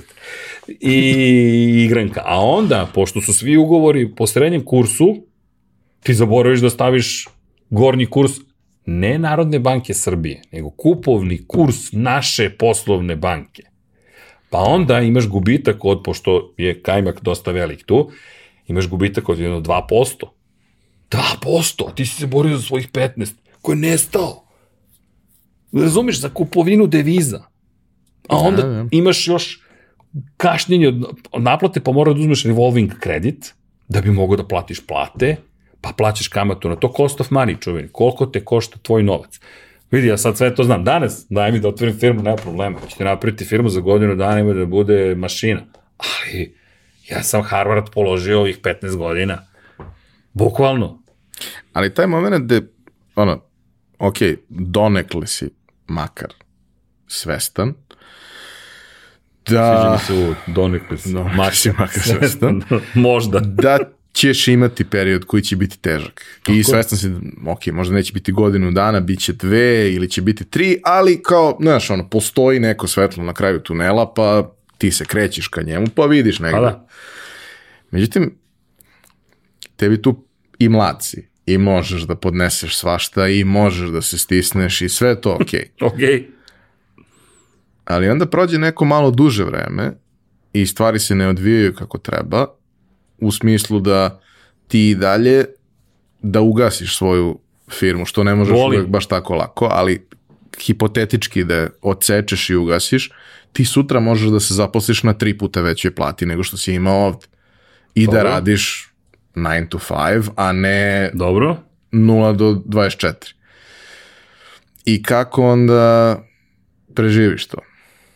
Da si je ugasio i da Ne, si je... kako, kako preživiš to da si svestan toga da vreme prolazi, da ti ne dobijaš od toga ono što bi želeo, a da opet previše si emotivno involviran u sve da ne možeš to baš tek tako da ugasiš. Mislim, pitam te iz razloga zato što mi se čini da si u prethodnom periodu konačno uspeo da poslužiš te stvari na način koji je dobar za tebe. Pa jesam. Mislim da si baš lepo definisu. Dobar je za mene. A nije loš ni za firmu, mislim. Pa nije loš. Mogu ti reći da nije loš. Ali je stvar u tome što Ha sad, ne, nisam analizirao uopšte kako smo gde stigli, šta smo radili. Ti Ali, si samo živeo, jasno mi je. Pa bukvalno, bukvalno sam samo živeo. A nije, nije, nije, bilo je tu dosta razmišljanja. Znaš, na, na primjer, iskustvo, želja da ne doživiš ponovo iste stvari, makar u mom slučaju, iako doživjet ću sigurno neke stvari ponovo. Ne, dej, nemojte da nasadate na tu priču jednom, dva put, ma sto puta će vam se desiti po neka glupost. Jednostavno, ili ste takvi, ili su se tako namistile okolnosti, ali to ne znači da mora i sto prvi, zaista. Evo, Aleš Espargaro, nek vam bude zvezda vodelja. Ne, ne, ne za mene, on naj, naj, ne, ja moram s njim da napravim ozbiljan intervju, zato što je on, za mene otkrovenje, za one koji ne znaju, to je čovjek koji vozi u Moto Grand Prix kategorije ove godine i veoma je uspešno zabeležio prvu pobedu četvorotaknu istoriji šampionata za Apriliju, što je istorijski događaj, ali on nikad nije pobedio u nijednoj drugoj klasi svetskog šampionata, vozi preko 15 godina. 15 godina nije odustao. I evo ga, možda bude i šampion, male su mu šanse, ali ima šansu da drugi u šampionatu. Za mene to samo potvrda da može. E sad, slaganje kockica. To je ono ključno, Ivane, što si napomenuo, složiti kockice. Ne mogu, sad, sad znam kako da ih slažem, kad sam došao do toga, nemam pojma. Meni Gojko puno pomogao. Šta je to kod Gojka što moje iskustvo da nije na sebi primenio svoje pravila. To, je, to nam se često svima događa. To si meni znalo da događa, da pričam nešto, pričam, da pogledam, pa da li ti to ne radiš? To je meni mama jednom rekla. Sine, slušala sam jedno tvoje predavanje, moram nešto da ti kažem. Ti ne radiš upravo to što si rekao. Molim? Ti ne radiš upravo to što si rekao. Uradio sam to što mi ona žena rekla, jer sam poslušao samog sebe de facto, ali svi znamo da preskočimo ogledalo, jer lakše je da ja tebi nešto kažem, ti meni, ali na sebe da primjeriš. Evo, ti da sam tebe slušao, ti bi mi davno spasao život davno bi me sredio. Ne davno bi, se... bi te spasao od tebe. Od, te, tako je. Pa znaš, je se sećaš šta su govorili Dušan Stojković i Andrej Prekajski, naši nekadašnji advokati? Ne čuvam ja srđane tebe od drugih, nego od tebe. to je njihova izjava, ja to pamtim, pozdrav inače za jednog i za drugog. Pa ne, to su legende advokature beogradske. O, da. Ali, ali činjenica da su oni, ja ih gledam šta pričam, tamo mi sinilo rekao, ok, upravo si. Jer ja ću da potpišem loš ugovor, ja ću da napravim loš dogovor, ja ću da prekršim zakon nesvesno. Ako ne pitam advokata a priori, halo, ljudi, šta radim, što smem i što ne smem. I onda su me oni naučili da me oni čuvaju od mene samog, pa nisu oni doneli moje odluke. Isto ti i ovde priča.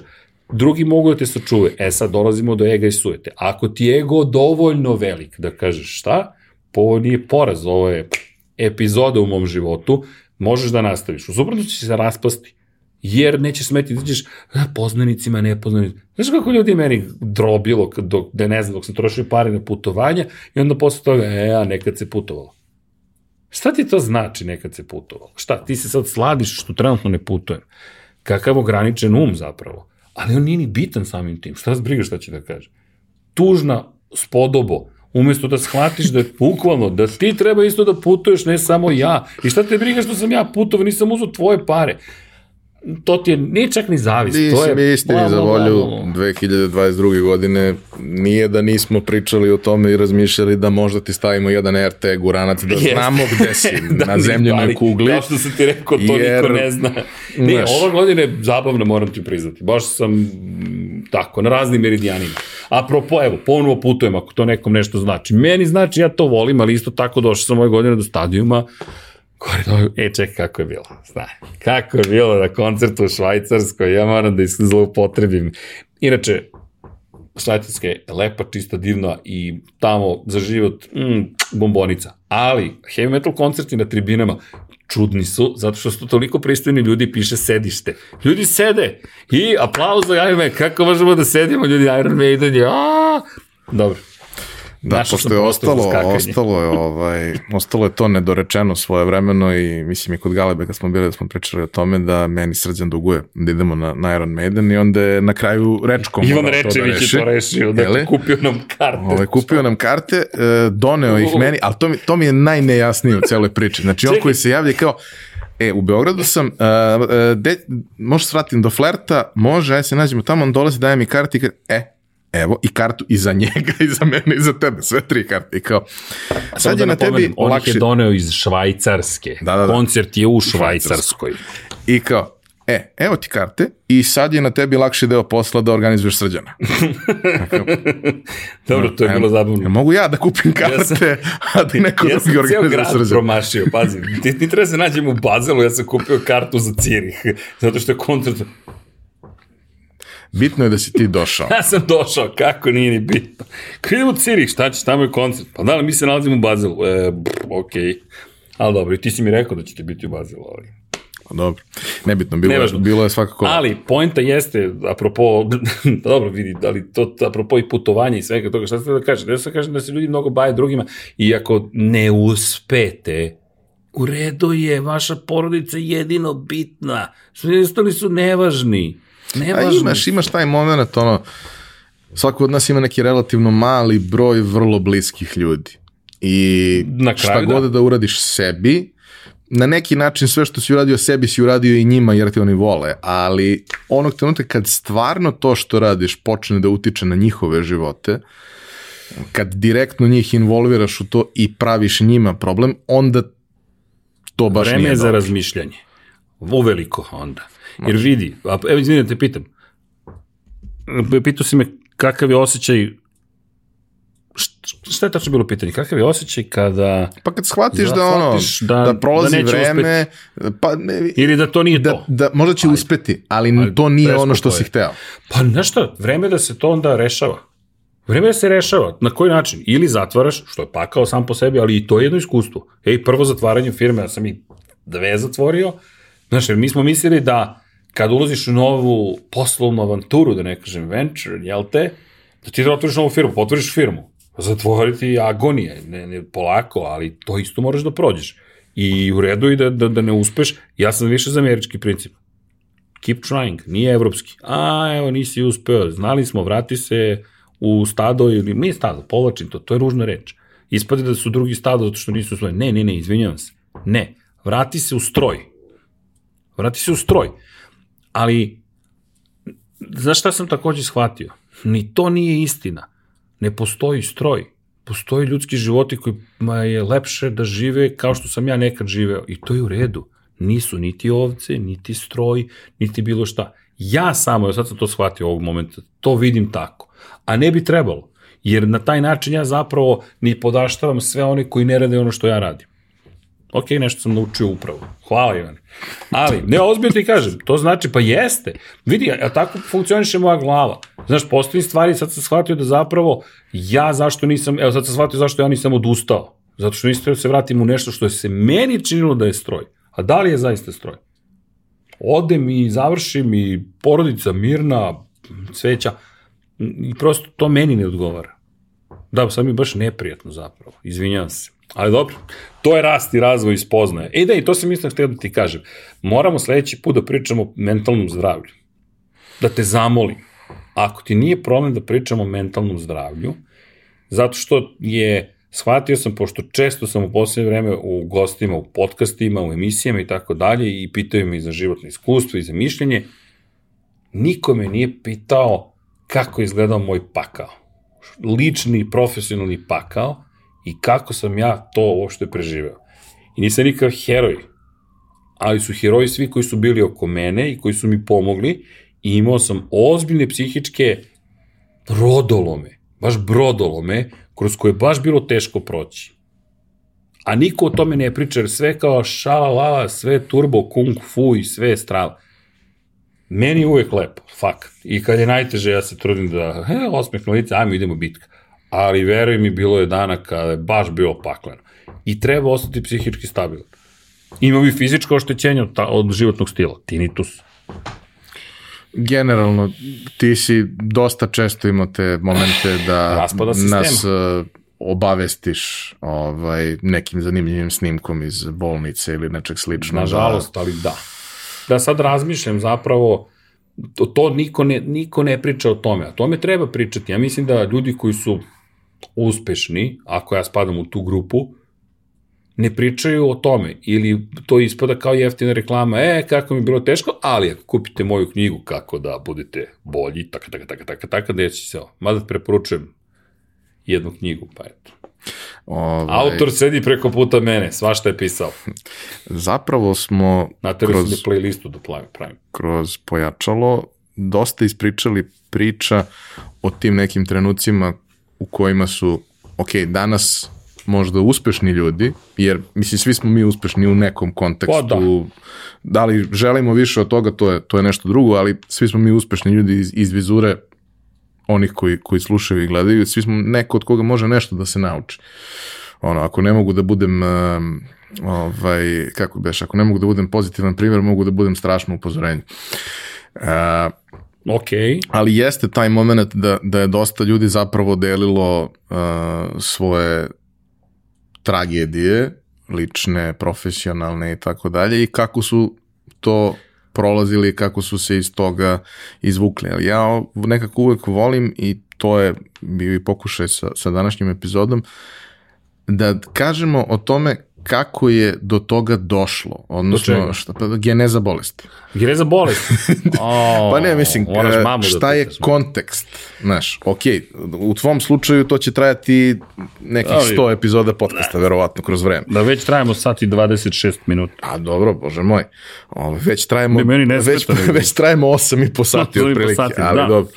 A, ali taj moment da prosto ni jedna od stvari koje su se desile, odnosno gotovo ni jedna, nije bila trenutna katastrofa. Nije udario grom i sve spalio, nego se desio niz stvari koje su akumuliranim efektom doveli do nečega Pa znaš- što je u nekom trenutku puklo. To je kao hipnoza. Ti hodaš kroz pakao, ali ono čuveno keep on walking. Ali zapravo to je potencijalno velika opasnost. Ne moraš da hodaš dalje. Možeš da kažeš, ej, dosta. Dosta. E, šta je mene držalo u jednom momentu? Ja nemam pojma da li je to istina, zato što nikoga nisam pitao od ljudi s kojima sam sarađivao. A to je da li njima odgovara to kroz šta svi zajedno prolazimo. Ja često u početku sebi govorio, pa vidi, ima 10 zaposlenih ovde, 15, 20, ti si odgovoran za sve njih. Nisam siguran da je to istina. Zašto? Zato što prvo nikad nisam pitao njih da li sam ja odgovoran za njih, tako je to vrlo ružno iz moje perspektive prema njima, kao da su oni neka deca koje nemaju svoje mišljenje, što mislim da nisu. Možda će neko to da iskoristi zlopotrebi kako god da se tako postavi, ali nisu. Pa ih pitaš, ej ljudi, a vama odgovara ovo što se trenutno događa? Gde mi idemo kao kompanija? Smo mi zdravo preduzeće, zdravo okruženje? Je li vama ovde okej? Okay? Ili samo uzimate platu dok ne nađete nešto bolje, što isto u redu. Da se razumemo, to, to je ljudski život. Ali, da li vam je bolje zato što ste ovde? Da li mislite da ćemo za godinu dana biti u nekom sistemu ovde, našem, u kojem radimo, zarađujemo, možemo da priuštimo sebi više, da imamo više slobodnog vremena, da budemo pametniji, da se osjećamo bolje, nikad ih nisam pitao. Nego sam ja podrazumevao, što ti je dosta tiranski stav zapravo, to, to ti rade državnici, jel te, pogotovo vrhovni vladari, svi smo mi deca. Ne, ne, nismo mi deca, ti si samo tirani, ništa drugo. Tako da sam ja imao tu ulogu, iako sam mislio da sam ja dobroćudni, jel te, izvršni direktor. Ne, Prosvećeni ti. Prosvećeni tirani, da, važi, to, a, a dok se slažeš sa mnom, mislim, to su besmislice, to ne postoji, ne postoji dobroćudni tirani, postoji samo tiranin. Ali je stvar u tome bila što nikad nisam pitao njih. I onda, pošto nisam njih pitao, ja sam projektovao da ja moram sada da firmu izvedem na pravi put, jer sam njima obećao da ćemo mi uspeti. Što je zamka u suštini. Samom sebi sam postavio zamku. Zamki iz koje nema izlaska jer će uvijek biti neko zaposlen. A pošto ti njih ne pitaš, postulat je postavljen, to ti je kao, kao, kao ustav. Ti si postavio am- preambulu iz koje nema izlaska i samim tim ti si u trajnoj zamci. Ja moram da nastavim. Zašto? V, a, a, šta bi to bilo? To ti je viši ciljevi. Ma Koji viši ciljevi? I onda osoba pored koje se budiš postaje nevažna. Jer imam viši cilj, ja moram da spasim 20 ljudi. Pazi, to je toliko ružno. I da stigneš na trku. Ili da stignu na trku. To je toliko ružno s moje strane. Upravo si 100%. To je zapravo s moje strane ružno, ali to, to me Gojko isto naučio, mi to dobrom čoveku. Znaš, misliš, mi da bismo funkcionisali, mi moramo da verujemo da smo dobri ljudi. Svako od nas. To je psihologija. I to imaš i u religijama, ta potreba da se bude dobar. Znaš, čak i kad znaš da si zao i da si, da izviniš, seronja, ti moraš da tražiš racionalizaciju svoj... Da opravdaš to. Tako je. I onda ja nisam uopšte shvatao da mogu da budem loš. Kako ja zapošljavam 10 ljudi? Ne zapošljavaš ih ti. Oni rade, oni su zaradili svoj novac, to su odrasli, zreli, pristojni, pošteni ljudi koji rade, a ti si im ponudio u okviru u kojem će da rade. S tim što, evo ti, sad sam shvatio da zapravo moje i dan danas postavka bila moj okvir je bolji zato što ti dajem slobodu. Pa možda je bolji nekom, možda nekom nije. Možda nekom više prije da ima vrlo jasno strukturiran život, u smislu ode u korporaciju i radi. To je samo moj problem. Sam shvatio sad kao, aha, čekaj, u stadu, u stroj, zašto, to, zašto o tome razmišljam na taj način? To je, to je moja greška. Viš, ja moram sebe da izličim po tom pitanju. Jer time vređam 99,9% društva. Šta sad, ljudi koji rade u firmama 9 do 5, oni su lošiji od mene? Pa baš i nisu, naprotiv. a pogotovo što verujem duboko u humanizam, ali sam toliko besan na korporativne strukture da sam zapravo zaboravio da te korporacije čini ljudi. Znaš, tako da izvinjenje 99,9% populacije. Ali činjenica je da Znaš, i ono što sa čim treba se suočiti jesu ove stvari. Nemam pojma kad se to desi. Evo, sad, sad mi se desilo, sam shvatio, u čekaj, ovo nisam ni shvatio da, da grešim. Biću, da, danas sam postao, nadam se, bolji čovjek. Hvala. Ali ozbiljno, ja se ne šalim, ovako izgleda proces. Ja se trudim malo više da se ogolim ovoga puta, jer sam razmišljao o tome, kada pričam o psihičkom zdravlju, ne mislim ja nužno na teške trenutke samo. Ja mislim na vrlo intimne momente. Kako ti je izgledalo kad si se probudio posle noćne more? To ljudi ne dele. A mislim da je u redu da pokažemo kao ljudi koji se često pojavljuju ispred ekrana, da se isto tako probudiš u, u, u, u znoju, bukvalno. Da, ne znam, seća se kad sam sedeo u kolima, bukvalno plakao, jer više nisam mogao da izdržim. Nisam mogao da izdržim.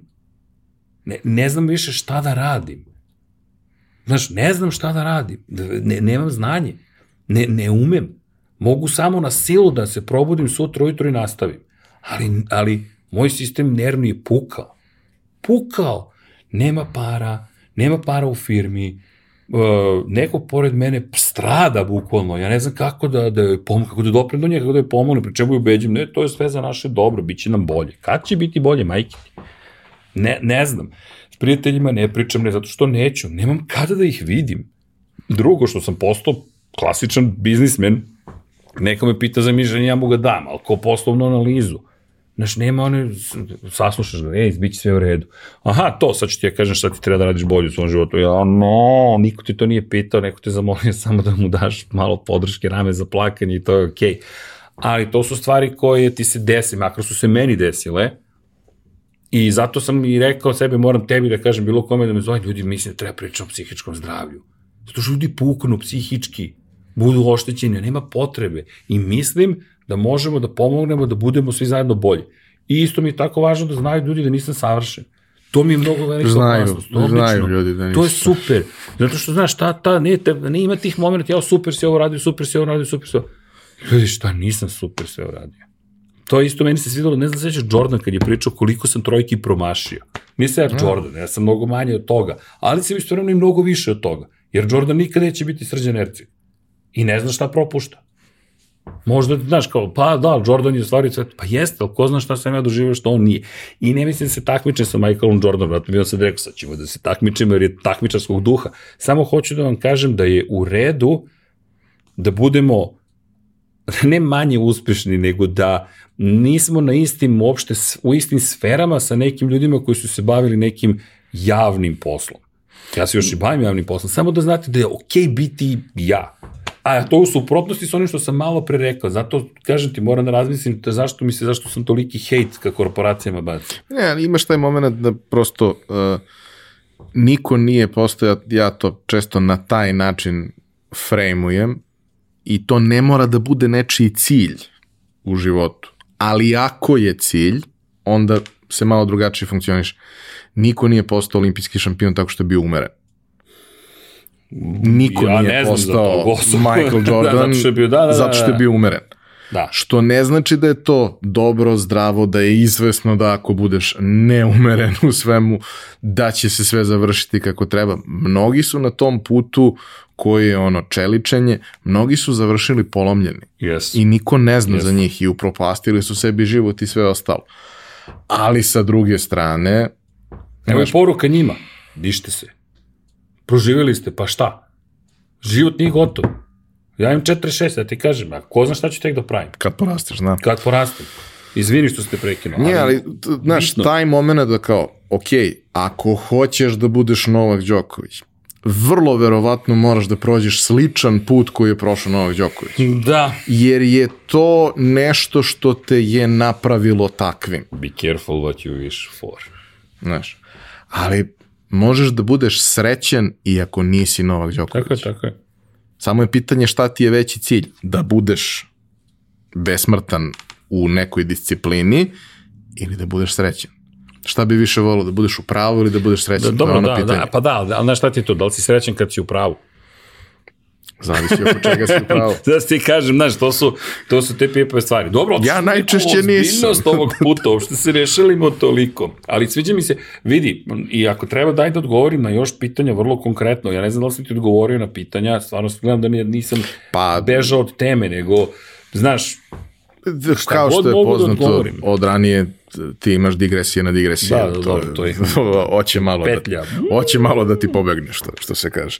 da. E, ok, odgovorio si na, na, na većinu stvari i kroz priču smo ih prošli dobar deo. E sad, uh, taj moment u kome uh, nismo pričali konkretno, ali ga jesmo prošli kao nešto što se desilo na vremenskom na, na, na vremenskoj liniji, jeste taj moment kad uh, dakle vi ste imali internu organizaciju koja kaže ja ću preuzeti na sebe nešto ili ja kažem da ovo ne bi trebalo da se radi, ono veto Da? ovaj, interno, ali u nekom trenutku si ti odlučio da je to nešto što ćeš da preuzmeš potpuno na sebe.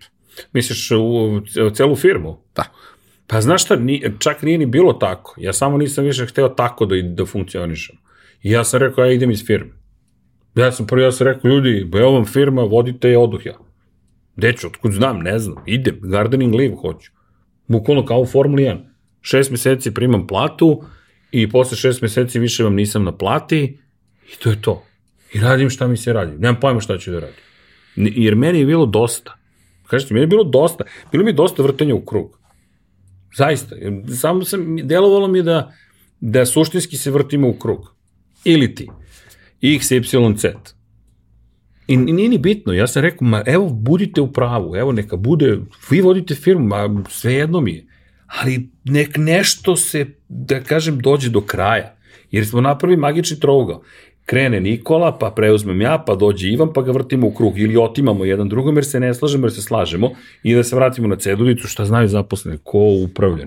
Pff, niko. Svako i niko a nismo mogli da se dogovorimo dovoljno dobro da i kada podržavamo onog drugog, mi kao podržavamo te, ali da ti objasnim zašto sam ja nešto još uradio pride. Pa ne može, čovek je rekao ne radimo to. Ako si mu dao da bude izvršni direktor, njegova je poslednja. Ali pošto smo mi suvlasnici, onda, jel te, dupe oko. Ko je šta? Ne može. To što ste vlasnici, To je jedna priča. Onoga momenta kada ste operativno i da se vratim na operativnost, vi u operacijama, u radu, u izvršenju imate neku funkciju, a ne može da bude po potrebi. E sad mi odgovara da budem vlasnik. Pa ne može. Ako si ti podređen Nikoli, moraš slušati šta Nikola kaže. Tačka. Ako Nikola nije u pravu, pa vi sedite na kraju godine i upravni odbor ne glasa za novog direktora. Ali dok je on direktor, moraš da uradiš ono što ti on rekao. Ne zato što ne postoji demokratija, nego zato što u toj fazi ne postoji demokratija. Demokratija postoji na kraju godine. Ili kad je već nama, ili ako je firma u propadanju. Nikad nije bilo u propadanju. Nikad niko nije radio toliko katastrofalan posao. A to ti isto naš problem, panika. A, panika, uspeli smo, da li, da li je to dovoljno dobro, da li nije. Znaš zašto? Nikad nismo bili uspešni u biznisu, nikad nismo imali biznis, mi ni ne znamo šta je uspeh i da li smo uspeli ili nismo. I onda mi uspevamo u nečemu, besmisleno uspevamo, ali mi to ne vidimo. Isto kao što sam spomenuo ljudi koji su imali prvi posao u Huge-u, nama je ovo prvo vođenje kompanijom, a nije bilo merila uspeha. U smislu, jasno ti je, ne znam, bilinzi, to jest koliko novca vrtiš ili ovo ili ono. Znaš, mi smo ni, i nismo bili agencija koja je mogla se porediti s drugima zato što smo mi izabrali neki put koji drugi nisu u, u tom trenutku. Ko se bavio Googlom? Niko se nije bavio ekskluzivno Googlom, pa je to preraslo u društvene mreže, pa u full servis, pa u ne znam nija šta, znaš, neki gigant, mamut, nemam pojma, a istovremeno ne radiš ono što većina radi banere, zakon banere. Šta ima da radim? HT Pool to radi. Sve, te da zovem, šta, šta će sad to radi? Idi u HT Pool, ja mogu ja da ti tražim uslove od, od radeta i kompanije i to je to. Ali nismo uopšte hteli da ulazimo na to tržište, jer smo mislili da suviše truda para treba za nešto što ni ne poznajemo dovoljno i rekli smo nećemo. Ali nismo znali da li smo uspešni ili nismo. Verovatno smo bili i sigurno, u jednom trenutku smo imali Po nekim parametrima sigurno. Tako je, i u jednom momentu, pazi, mi smo upravljali sa preko 3 miliona evra budžeta u jednom momentu samo na Google. I ja ne, to je besmislena suma novca za, za ovo tržište u tom trenutku. Ja nemam pojma da li sad neko upravlja toliko para, stvarno ne znam, možda, verovatno, daj Bože. Ali mi smo upravljali, ali mi to nismo prepoznavali kao nešto, to jer, jer mi smo samo radili i to se dešavalo. Znaš, loši smo bili u samu proceri, u samu analizi, kao menadžment. I? I ja sam rekao, ja oduh. I Nikola Ivan je rekao, rekao pa, ajde da, ne, ajde da se ne razilazimo. I onda je tu krenulo, ajde da, ajde ne. Ja sam rekao, ja neću više ovo. Prosto neću. Onda su njih dvojica rekli, ja nećemo ni mi. E, onda sad niko više neće, ne znam, sad je onda pakao. Onda smo rekli, ok, šta ćemo da radimo, onda smo na kraju rekli, aj prodamo firmu. I onda nije ni bilo kupca, ja sam onda rekao, evo ja ću kupim firmu. Jer opet, kreten, mesto da sam pustio, ja sam rekao, ne mogu da pustim. Jer sad nema ni njih dvojice unutra. Znači, ne mogu da pustim i nisam pustio i drago mi je i žao mi je. Žao mi je zato što, to ti je opet razvojni put, ne, nije mi žao. Jer u tom momentu nisam znao kako da upravljam. Nisam znao bez njih da upravljam. A nisam znao koliko oni čine firmu dok nisu otišli. Razumeš? to ti je vrzino kolo, ne, nemaš iskustvo. Nemaš iskustvo, ali moraš da ga prođeš da bi ga stekao. Ne, ne znam drugačije, ja ne umem drugačije da naučim. Možda je neko pametni, sigurno mnogo ljudi pa mnogo pametniji od mene, ali ja ne znam. Imaš i taj moment da kao kad, kad napraviš, ako to uradiš u pravom trenutku i na pravi način i tako dalje, da je svaki način izazovan u svakom slučaju, uh, ovaj, da vi zapravo nakon toga postanete mnogo bolji prijatelji nego što ste bili. Pa, to je kao onaj moment, ono, mislim, ja sam to sto puta rekao, mnogo više volim svoje roditelje od kad ne živimo zajedno. E, tako isto i ovo, od kad ne moraš da deliš svaki pakao i sve i niste 24 časa na okupu, imaš tu neku situaciju da možeš neopterećeno, slobodnije da ulaziš u, u tu vrstu odnosa. Da, ali nama nije bilo tako, zato što je nama Huge bio suviše intiman. Nama je Huge bio suviše intiman. Mi smo se posle toga razišli. Prosto suviše bio intiman. Nama je to bila porodica, što nije dobro, ali je to tako bilo. Nama je to bilo baš intimno. I ni ja nisam, ja sam samo rekao, ja ne, ja ne mogu, ja, ja ću da poludim. I još, i onda... Više, ja ću da, sam još da više. poludim više. Ne, onda, onda ti tek dolazi ironija.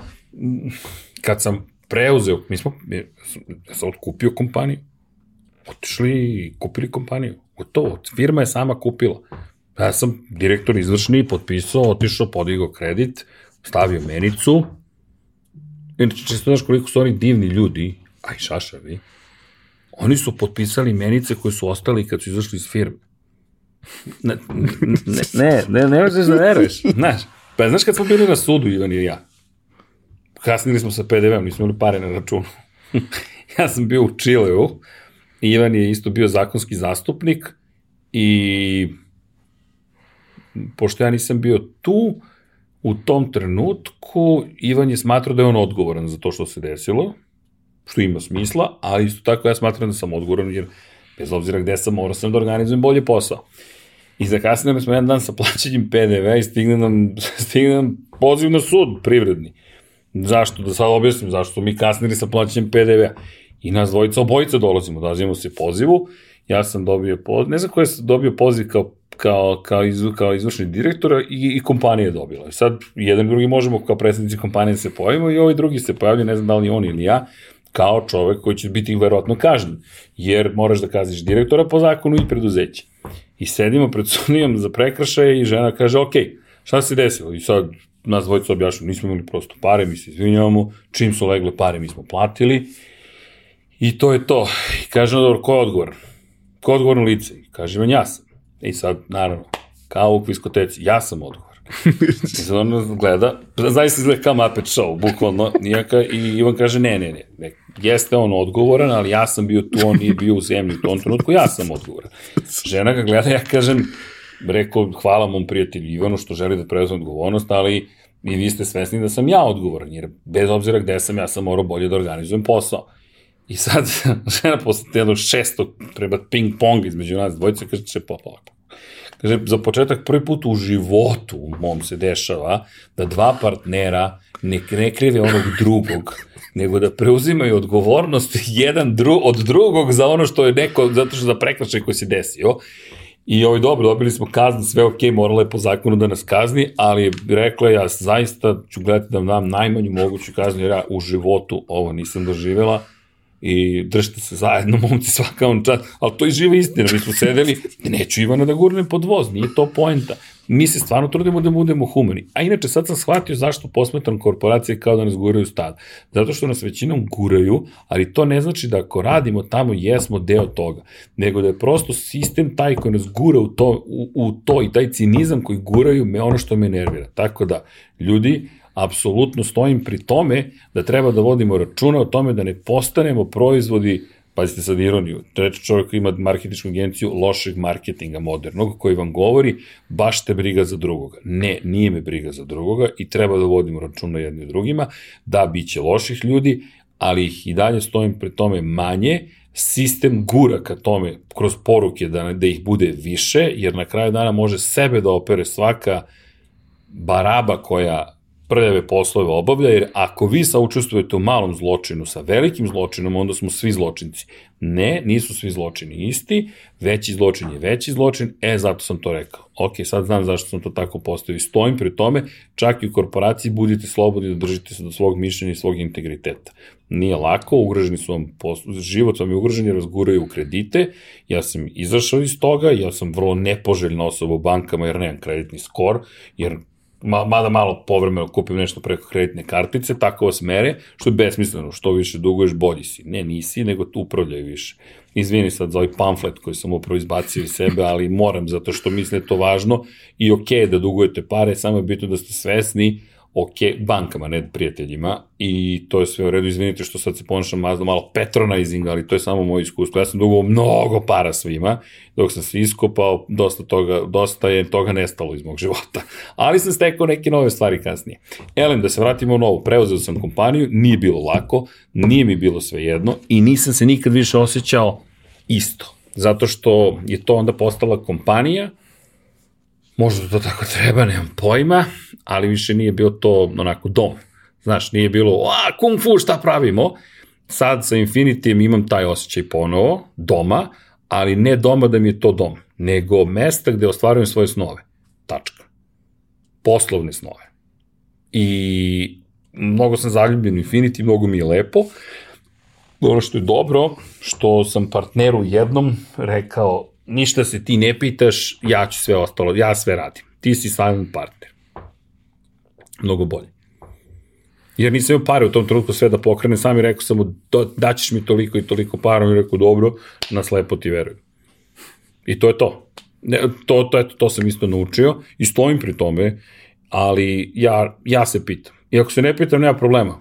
Daću partneru, neka vodi, neka radi šta god hoće. To je meni bilo rešenje. Ali ne da umešam drugi, da im kažem, ej, ti ćeš da upravljaš i ti ćeš ovo i ti ćeš ono, a onda moraš to da ispuniš, a zapravo sabotiraš ljudi. To not cool. Mi smo sebe jedni drugi sabotirali. Tako da kad sam preuzeo kompaniju, kad sam platio, i insistirao sam da platim ono što je prva bila cena. Šta god da su tražili ostali partneri, to sam platio. Jer sam insistirao na tome da nema cenkanja sa njima. Jer s tim ljudima sam to gradio na, na ljubavi, nisam gradio na, na biznis planu. Da, želiš da zaradiš, ali znaš, bilo ti lepo da radiš tim ljudima. Meni bilo lepo. I tako, pogubiš se u nekom trenutku. I ono što je ironija, prva godina kada sam preuzeo kompaniju je bila najuspešnija u istoriji Huge Media. Ili ti, siguran sam da je Nikola preuzeo kompaniju, da bi ta prva godina njegova bila najuspešnija u istoriji kompanije. Ili ti da je Ivan preuzeo kompaniju, siguran sam da bi ta godina bila najuspešnija u istoriji kompanije. Zašto? Zato što fokus je mnogo bitan. A to je ono što je nama nedostalo, fokus. I kad nemaš fokus, džaba ti svi talentovani zaposleni, talentovani ljudi, pamet, znanje, šta god da imaš, jednostavno fokus dovede do toga da kao i veliki broj kompanija, propadneš na kraju. Imaš core biznis, nešto što čemu si mnogo dobar, kreneš se širiš, kreneš se širiš, a onda vrtiš se na sve moguće strane. To ne znači da ne možeš da proširiš svoje poslovanje ali moraš imaš fokus da znaš zašto i kako to radiš. Mi to nismo imali i ja ti garantujem, kogod, pa i Bogdan, kao tihi partner da je preuzeo kompaniju, 100% bilo je najuspešnije godine. Sledeća godina je bila još uspešnija, pa je sledeća bila veoma uspešna, e onda smo već počeli tako da širimo biznis pono. I dobro. Ovu epizodu smo posvetili tome da ispričamo priču Huge-u do kraja uh, odnosno ne postoji kraj. Huge i dalje postoji, postoji. ali da do današnjeg trenutka je ispričamo i mislim da si najvrednije stvari podelio, ostalo je samo da napravimo neku vrstu uh, zaključka, odnosno uh, iz razgovora i ko te prati, zna koliko si ti zapravo posvećen uh, Infinitiju i svim stvarima koje radite tamo. Kao što rekao, ti si više u živom programu nego bilo ko drugi na svetu. Verovatno. Ljudi koji su u realitiju manje provode pred kamerom o tebi. Svakako manje pričaju o tebi. To je sigurno. sigurno.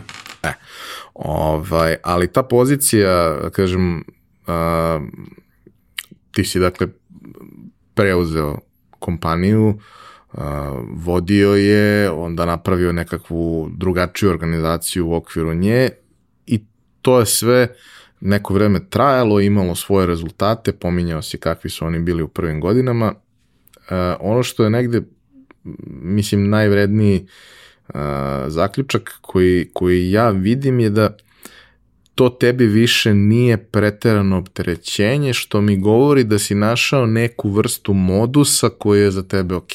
Pomenuo si da to sada posmatraš kao kompaniju i kao posao i da je drugačije nego kad je to tvoja beba, sve ok. Definitivno.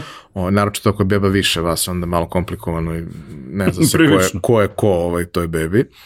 E, ali kako danas izgleda Huge? Šta danas Huge radi i koja je tvoja uloga u Huge danas? Pa znaš kako, samo da ne zaboravim jedan bitan moment, ja kada sam preuzeo kompaniju, posle toga se i Gojko pridružio, neki godinu dana kasnije, tako nešto, i Gojko je de facto bio taj koji je operativno vodio stvari, apropo priče o tome da je neko uvek unutra.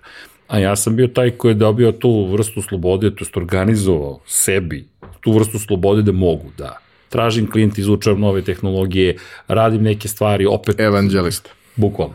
Ali vrlo operativni evanđelista, jer mi, na primjer, za, za, dajde, da ne imenujem klijente, nisam dobio njihovu dozvolu, za neke klijente sam ponovo radio automatizaciju, kao što sam radio Direct Media, i uspeo sam da dođem do toga da zapravo sa istim brojem ljudi u određenom timu radimo stvari koje, za koje moraš da platiš prvičnu količinu novca da napraviš, da dokupiš alat.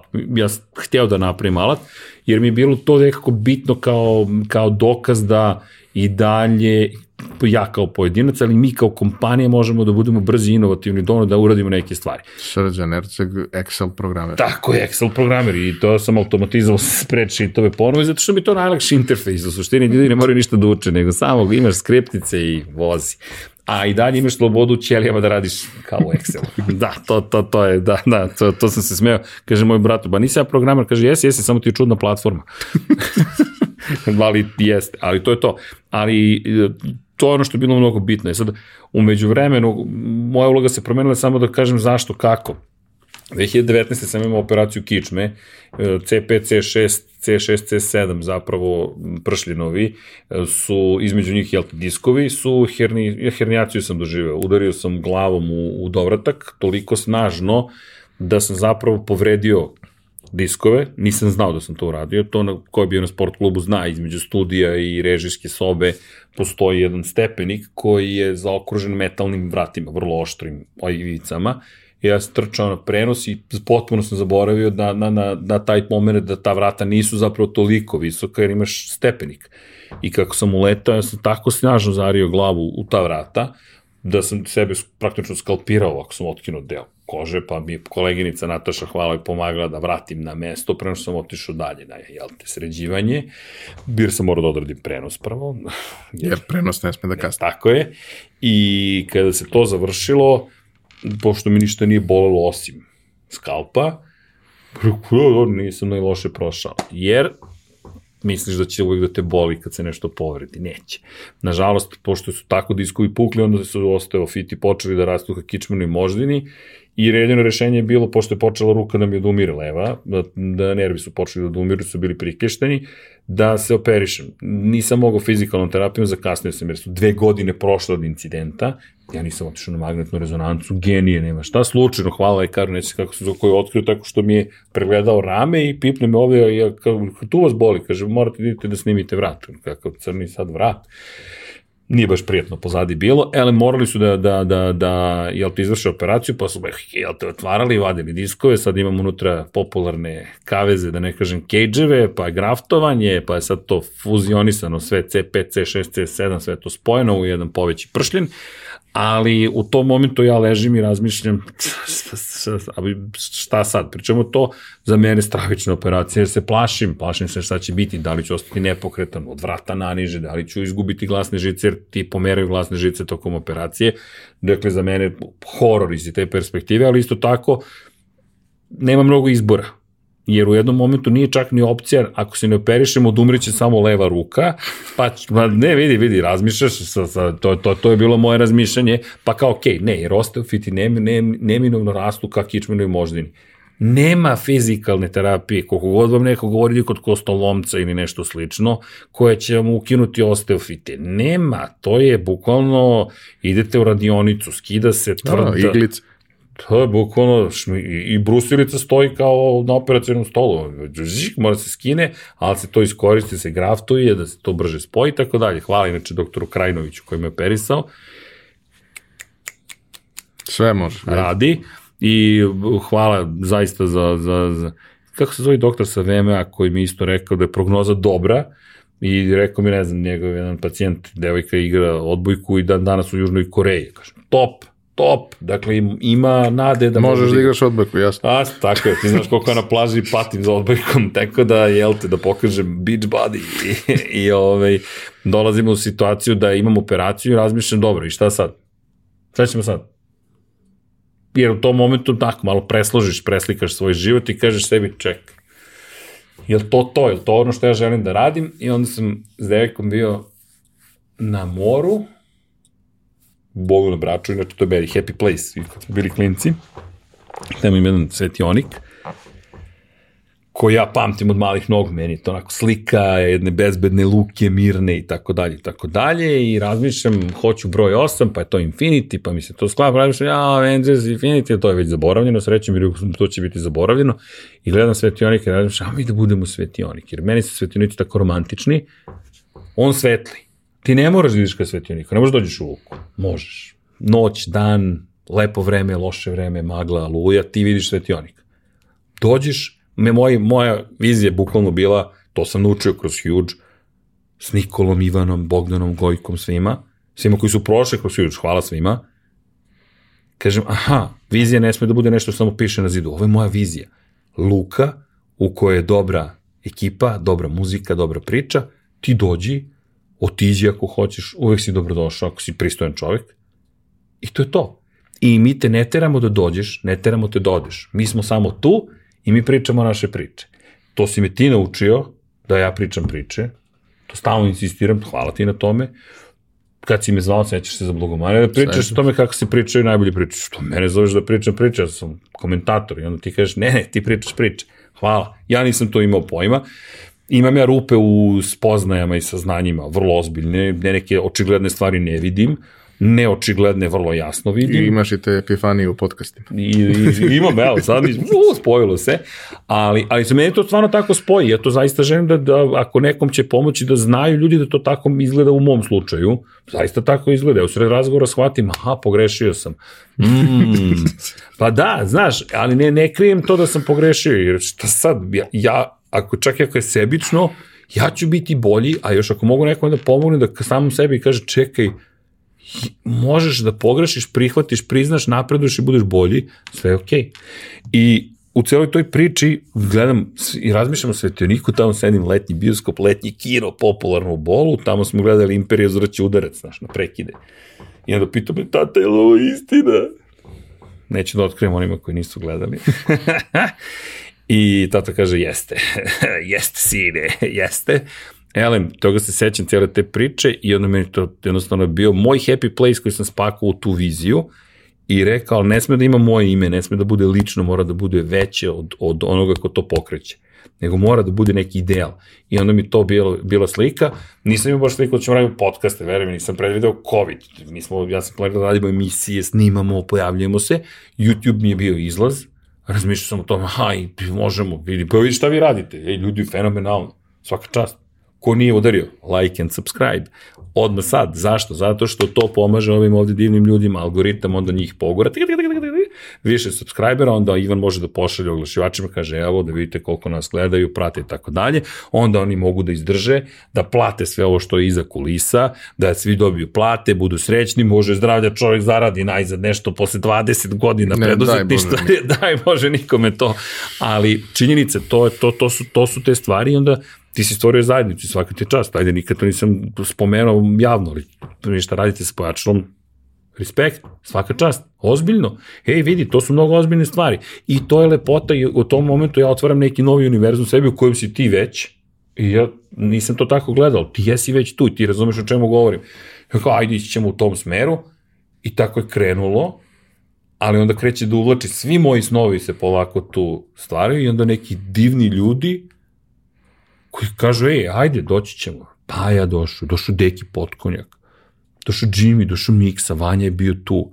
I Rera, koja u tom momentu radi nešto drugo, završava svoj projekat i kako je slobodno, samo da vam pomažem. Pixi, koji je bio moj prvi producent na Eurosportu. Pixi, Draga Stojković, nije onaj Pixi, ali ga zovu Pixi, koji, s kojim se nisam vidio deset i više godina, kog sretnim slučajno, kao je Pixi super, on bio nešto na trci MotoGP u Holandiji, neki kontakt stvorili, Pixi koji došao da nam pomaže, mi u sred COVID-a, sve, ono, karantin, mi u, do, u periodu kada smeš da se krećeš, trčimo u studio, pravimo ga, izmišljamo, nemamo pojma, on zove direktora fotografije tako dalje, tako dalje. Da sad ne otvaram tu priču, sve to neki novi vrli svet, kreći potpuno ludilo, da se meni sad odjednom opet sve, ma šta, ja, šta možemo, ja, tehnologija, ja, i se igramo, automatizacija, ajde ovo, ajde ono, i tako to krene, A umeđu vremenu šta je s Hugeom? Pa,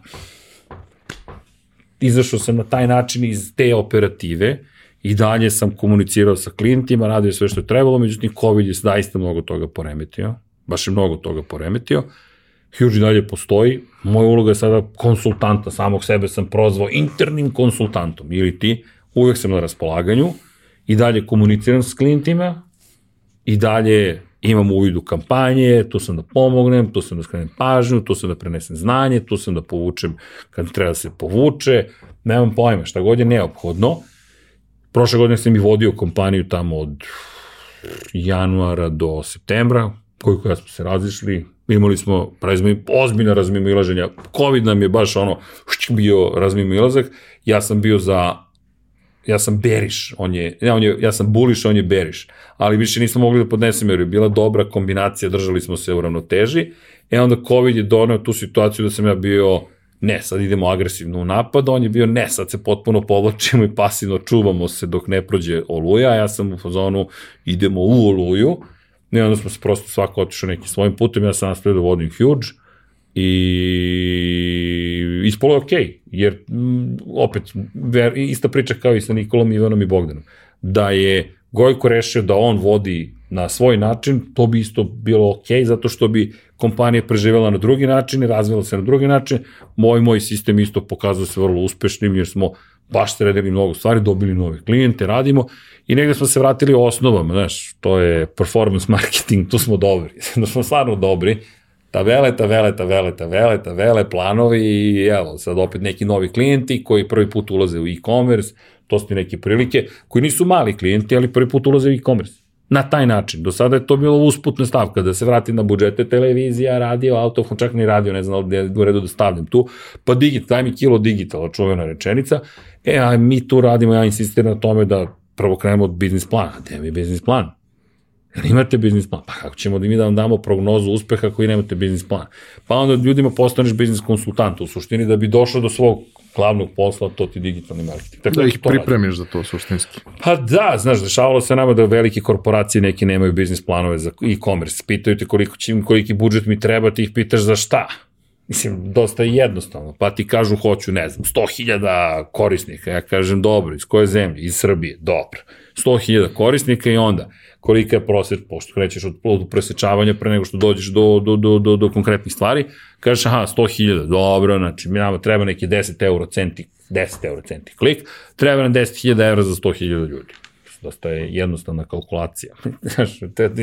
Bar ti nešto da. A kako, koliko će ljudi da kupio? Nemam pojma, ono, pali stopu konverzije 0,9, to ti neki benchmark, znači od njih 100.000 koliko je? 1% je 1000, znači 900 ljudi će da kupi, kolika ti je average order value, ne znam, 50 eura, lupiću. Znači 900 ljudi, 50 eura, 4, 45.000 eura očekuješ, ili tako? Sam dobro izračunao. I da li se to onda isplati na kraju? Tako je, 45.000, koliko ti treba za 10.000 eura da daš, nemam pojma, jel tebi marža dovoljno, jer ti dovoljno da ti razlika bude samo u tome, ne računajući još agency fee, ljude i sve ostalo, koliki ti stvarno return on investment, ja ne znam da li je to njima dovoljno.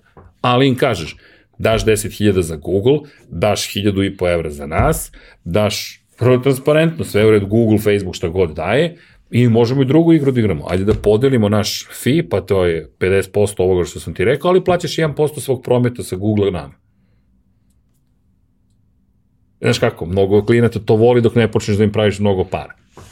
I onda, ovoliko da vam dam para, pa šta ti, Ja, kao, da li ti taj moment, pare? ja sam verovao u sebe, bio sam spreman da idem sa nečim što je nepredvidljivo, ali zato što sam verovao u sebe sam išao sa tim i onda treba na neki način i oni da to ispoštuju. Ne, treba, ali vidi, znaš kako Da, to je. naravno, Mislim, nije lako. Nije, ne, I to je sve okej, okay, ali kažem ti, meni je to i dalje kad je inteligentno postavljen biznis, ja nemam problem sa time, meni je to zadovoljstvo da radim, znaš, ali fakat, trenutno su stvarno u ulozi konsultanta, pokušao prenesem znanje, ne znam da li sam ikada dovoljno dobro prenosio znanje, Brđa, pozdrav za Nikolu Brđevića, Mua, pa i Nikolu Đokića, Okića, Ivana Jankovića, Aleksandar Mirkanović, ne znam, sve ljude koji su tu bili, Zašto? Oni su me naučili da su oni sami na kraju morali da uče da plivaju. Jer kaže, Srki, s tobom imamo mesec dana.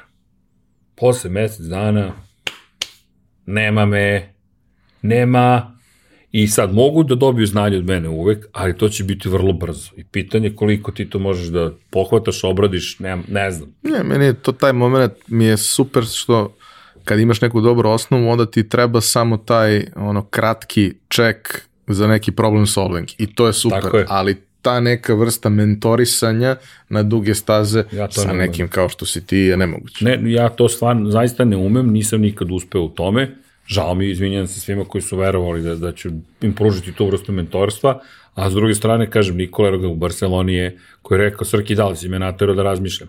Inače, eto, da pohvalim, on je otišao u Barcelonu, čovjek je već sad već napredovao, jedan od glavnih ljudi u agenciji u, u sred Španije i rekao, ono što sam naučio u Huge meni otvorilo sva vrata. Jer, kaže, to što sam naučio je toliko kompletnije od onoga što većina radi. ali to je tako. Mi, ja, To što si me naučio da se snalazi. između ostalog, ali nije samo to, vidi. I, i, I svi mi smo prenosili znanje kroz rad. Mnogo znanja. Znaš, jer svi misle da su videli biznis plan zato što je neko potpisao to kao biznis plan. Svi misle da su videli digitalnu marketičku strategiju zato što tu je potpisano kao digitalna marketička strategija, dok ne vide zaista digitalnu marketičku strategiju. To ti stojim, na, mada sedim, sedim čvrsto na ovoj stolici kada kažem ja to znam da radim. I u tome sam veoma dobar. Ali ne mogu da te učim na način, ajde sad da ti objasnim, daj mi konkretnu situaciju, čak i izmisli situaciju, ja ću ti dati marketičku strategiju, daću ti biznis. No, plan, ajde da ti radimo sve. na studiju slučaja. Tako je. Nemoj molim te, ti pričamo prazno. Ja tu ne, ne, nemam čak, čak moj mozak neće se aktivira. On odbija, to ti jednostavno, ovo nije istina. I kroz primere mislim da smo mnogo lepih stvari uradili. A Brđe je super zato što je on gurao neku inovativnost koju donosi ta nova generacija. Ja volim da radim s mladim ljudima. Ne razumem ih, često ne razumiju ni mene, hvala Bogu, tako da se tu lepo snađemo, ali postoji ta želja za uspehom. I ono što sam video kod te ekipe ljudi, bila je spremna za razgovor kritičan. Te možeš da kažeš ne, ne, direktno ste suprotstavljeni, ali nije lično. Nije lično. Cilj je samo da napravimo što bolju stvar za klijenta. Šta god to bilo.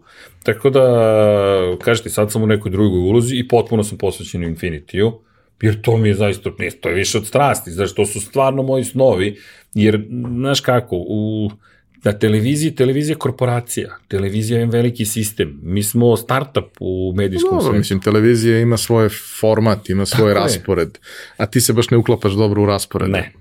Znaš, Osim kad ja izmišljam stvari. I ne samo ja, ja ću da podržim, te kad ti dođeš i izmisliš stvari, ja ću kažem, dobro, aj uradimo to. I mi to uradimo.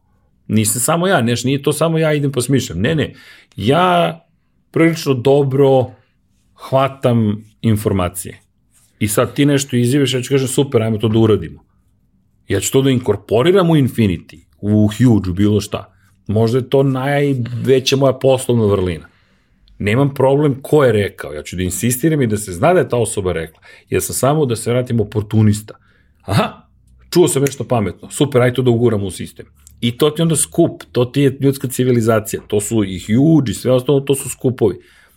Kažem, nemam ti, ti ljudski odnosi, nije na pitanje humanosti, da se trudim da budem dobar čovek, ali iz perspektive biznisa, možda sam previše agresivan, nemam pojma, sam, ajmo idemo odmah to, to ljudima ne prije, to, to uzdrmava svetove ljudima, to je, a, šta ti je, osjećamo ozbiljnu neurozu zato što tako funkcionišemo.